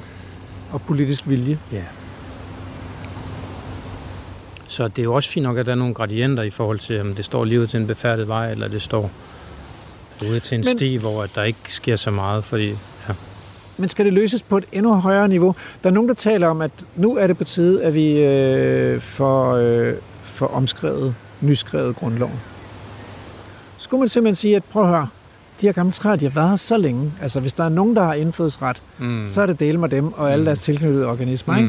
mm, mm. Så, øh, så det, er, det er træerne, der har forrang, og så må vi ligesom håndtere den risiko, der er forbundet med, at der er gamle træer. Det er i hvert fald øh, sørgeligt, hvor, hvor lidt øh, beskyttet de er. Altså det her kunne du jo bare fælde i morgen. Ja. Men det er på ingen måde beskyttet. Øh, selvom at det er noget af det mest værdifulde natur, vi har i hele kommunen. Der er jo også en lille risiko ved de dyr der, de store dyr. Øh, som Ja, og du kan falde i sø, søen og så videre, ikke? Men Ja, så natur er ikke ufarlig. livet er ikke ufarligt. Okay, med de, øh, det må være udgangsreplikken. Livet er ikke ufarligt, men ret dejligt. Ja, absolut. Anders Adams, tusind tak, fordi du vil være med i Vildsborg og vise os rundt i din kommune. Dejligt at komme. Du lytter til Vildspor på Radio 4. Nå, Rasmus, det er jo noget andet at lave radio med mig, fordi vi når faktisk færgen, når jeg planlægger det hele. Ja, du er bare ved at skide i bukserne, det kan vi så godt indrømme. også? Du er en lettet mand nu. Fordi den var ikke, havde været ikke nem at forklare det. Du har jo små børn derhjemme, der venter og sådan noget, skal skifte blæ. Og... Ej, vi, vi, vi, vi stødte jo ind i det mest vanvittige øh, bilkaos her. For helvede altså. Hvor er det godt, at man bare normalt tager sin cykel fra Hjortøj og ind til universitetet, ikke? Fordi det der, det var jo et helvede, og der er folk, der sidder i det hver dag. Men det var dejligt at besøge Anders Adams i Gladsaxe Kommune. Øh, og jeg tænkte på, at der var lige et par hængepartier. Det ene, det var, at da vi gik fra, øh, fra det ene sted hen til bilen for at køre hen til det, det sidste sted, ellers hvile der, der, øh, der sagde han, at han var faktisk ikke så vild med det der bynatur. Øh, Udtrykket. Ja, han kunne ikke lide, altså, jo, han kunne godt lide natur i byen, men han var ikke så vild med udtrykket. Og jeg tror egentlig, det er lidt ligesom, at jeg har det svært med, at, med, at der er noget, man kalder agerlandsfugle, ikke? Fordi det er jo lidt noget pjat, ikke? Der er jo ikke nogen arter, der ligesom er der noget natur, der er designet til at passe til byerne eller til agerlandet. Øhm, så jeg tror egentlig godt, at han bare ville tale om det som natur. Den anden ting var, at han spurgte mig, hvorfor, hvorfor holder hestene nemmere hul end køerne? Ved ikke, om det altid passer, vel, men, øh, men, men det er måske lidt, lidt et åbent spørgsmål. Under hvilke betingelser de der køer egentlig klarer sig godt? For det gjorde urokserne klarede sig super godt, ikke? Og de skal jo ligge og tygge drøv, så de har lidt mere besværligt øh, fordøjelsessystem end hestene her. Men jeg har ikke nogen bedre forklaring, altså, så det er sådan et lidt åbent spørgsmål. Hvorfor klarer, klarer heste sig til synet lidt nemmere igennem svære tider med ringere føde, end, øh, end køer gør? Så det kaster vi lige ud til øh, lytterne. Det her program er jo også det sidste inden vores øh, sommer sommertur, øh, eller vores sommerserie, som vi plejer at gøre sådan lidt speciel. Øhm, vil du løfte sløret for, hvad vi skal? Ja, det vil jeg gerne. Øh, vi plejer at have et tema, og øh, jeg tror egentlig, det var dig, Andrew, der gerne vil ud til nogle øer. Der er et eller andet, og, øh, og der er bare et eller andet romantik eller eventyrrejse ved at tage ud til nogle øer. Så det har vi besluttet os for, at vi tager simpelthen rundt og besøger nogle øer. Øh, skal vi sige, hvilke øer vi skal besøge? Ja, det synes jeg, det kan vi godt. Okay, vi, skal, vi skal besøge to, hvad kan man kalde dem, infrastrukturøer, som ligesom er sådan øh, holdepunkter for Danmarks store broer, Øresundsbroen og Storebæltsbroen. Det kan I jo selv gætte på, hvad det er for nogle øer. Og øh, så skal vi ned til Langeland for at se, hvordan det går på Skovskov. Vi har jo været der før øh, og tale med Christian Gravbæk, øh, som ikke er der længere. Men øh, nu skal vi tale med de nye forvaltere dernede på Skovskov. Og så skal vi til en tur til Fanø og en tur til Samsø. Ja, Vi har også en lille dark horse, en outsider. Ja. Den ubeboede ø. Ja. Hjelm. Ja. Det, det glæder jeg mig til. Det, der skal man sejle ud, og det kan man ikke bare... Der er ikke nogen færge eller noget, så der skal man kende en med en båd. Ja, og det, vi, vi har lukket øh, Niels Kanstrup til, at han sagde, at han skulle lige fikse båden, så det gør det jo sådan lidt ekstra spændende om, om vi kommer helt derud. Ja. Så det er, det er sommerplanen. Har du, jeg tænker, øh, vi sidder nemlig lige her ved, ved udgangen til, øh, så man kan gå ud til, til ud på dækket og lige se og høre vandet. Vil du slutte af med et haiku, og så går jeg lige ud, og så kan lytterne lige få lidt, øh, lidt ambiance? Motorbrummen. Jo, det vil jeg. Det lyder sådan her. Voksne til stede. Tillid til naturens vejr. Glad i Gladsaxe. Programmet er produceret af Videnslyd for Radio 4.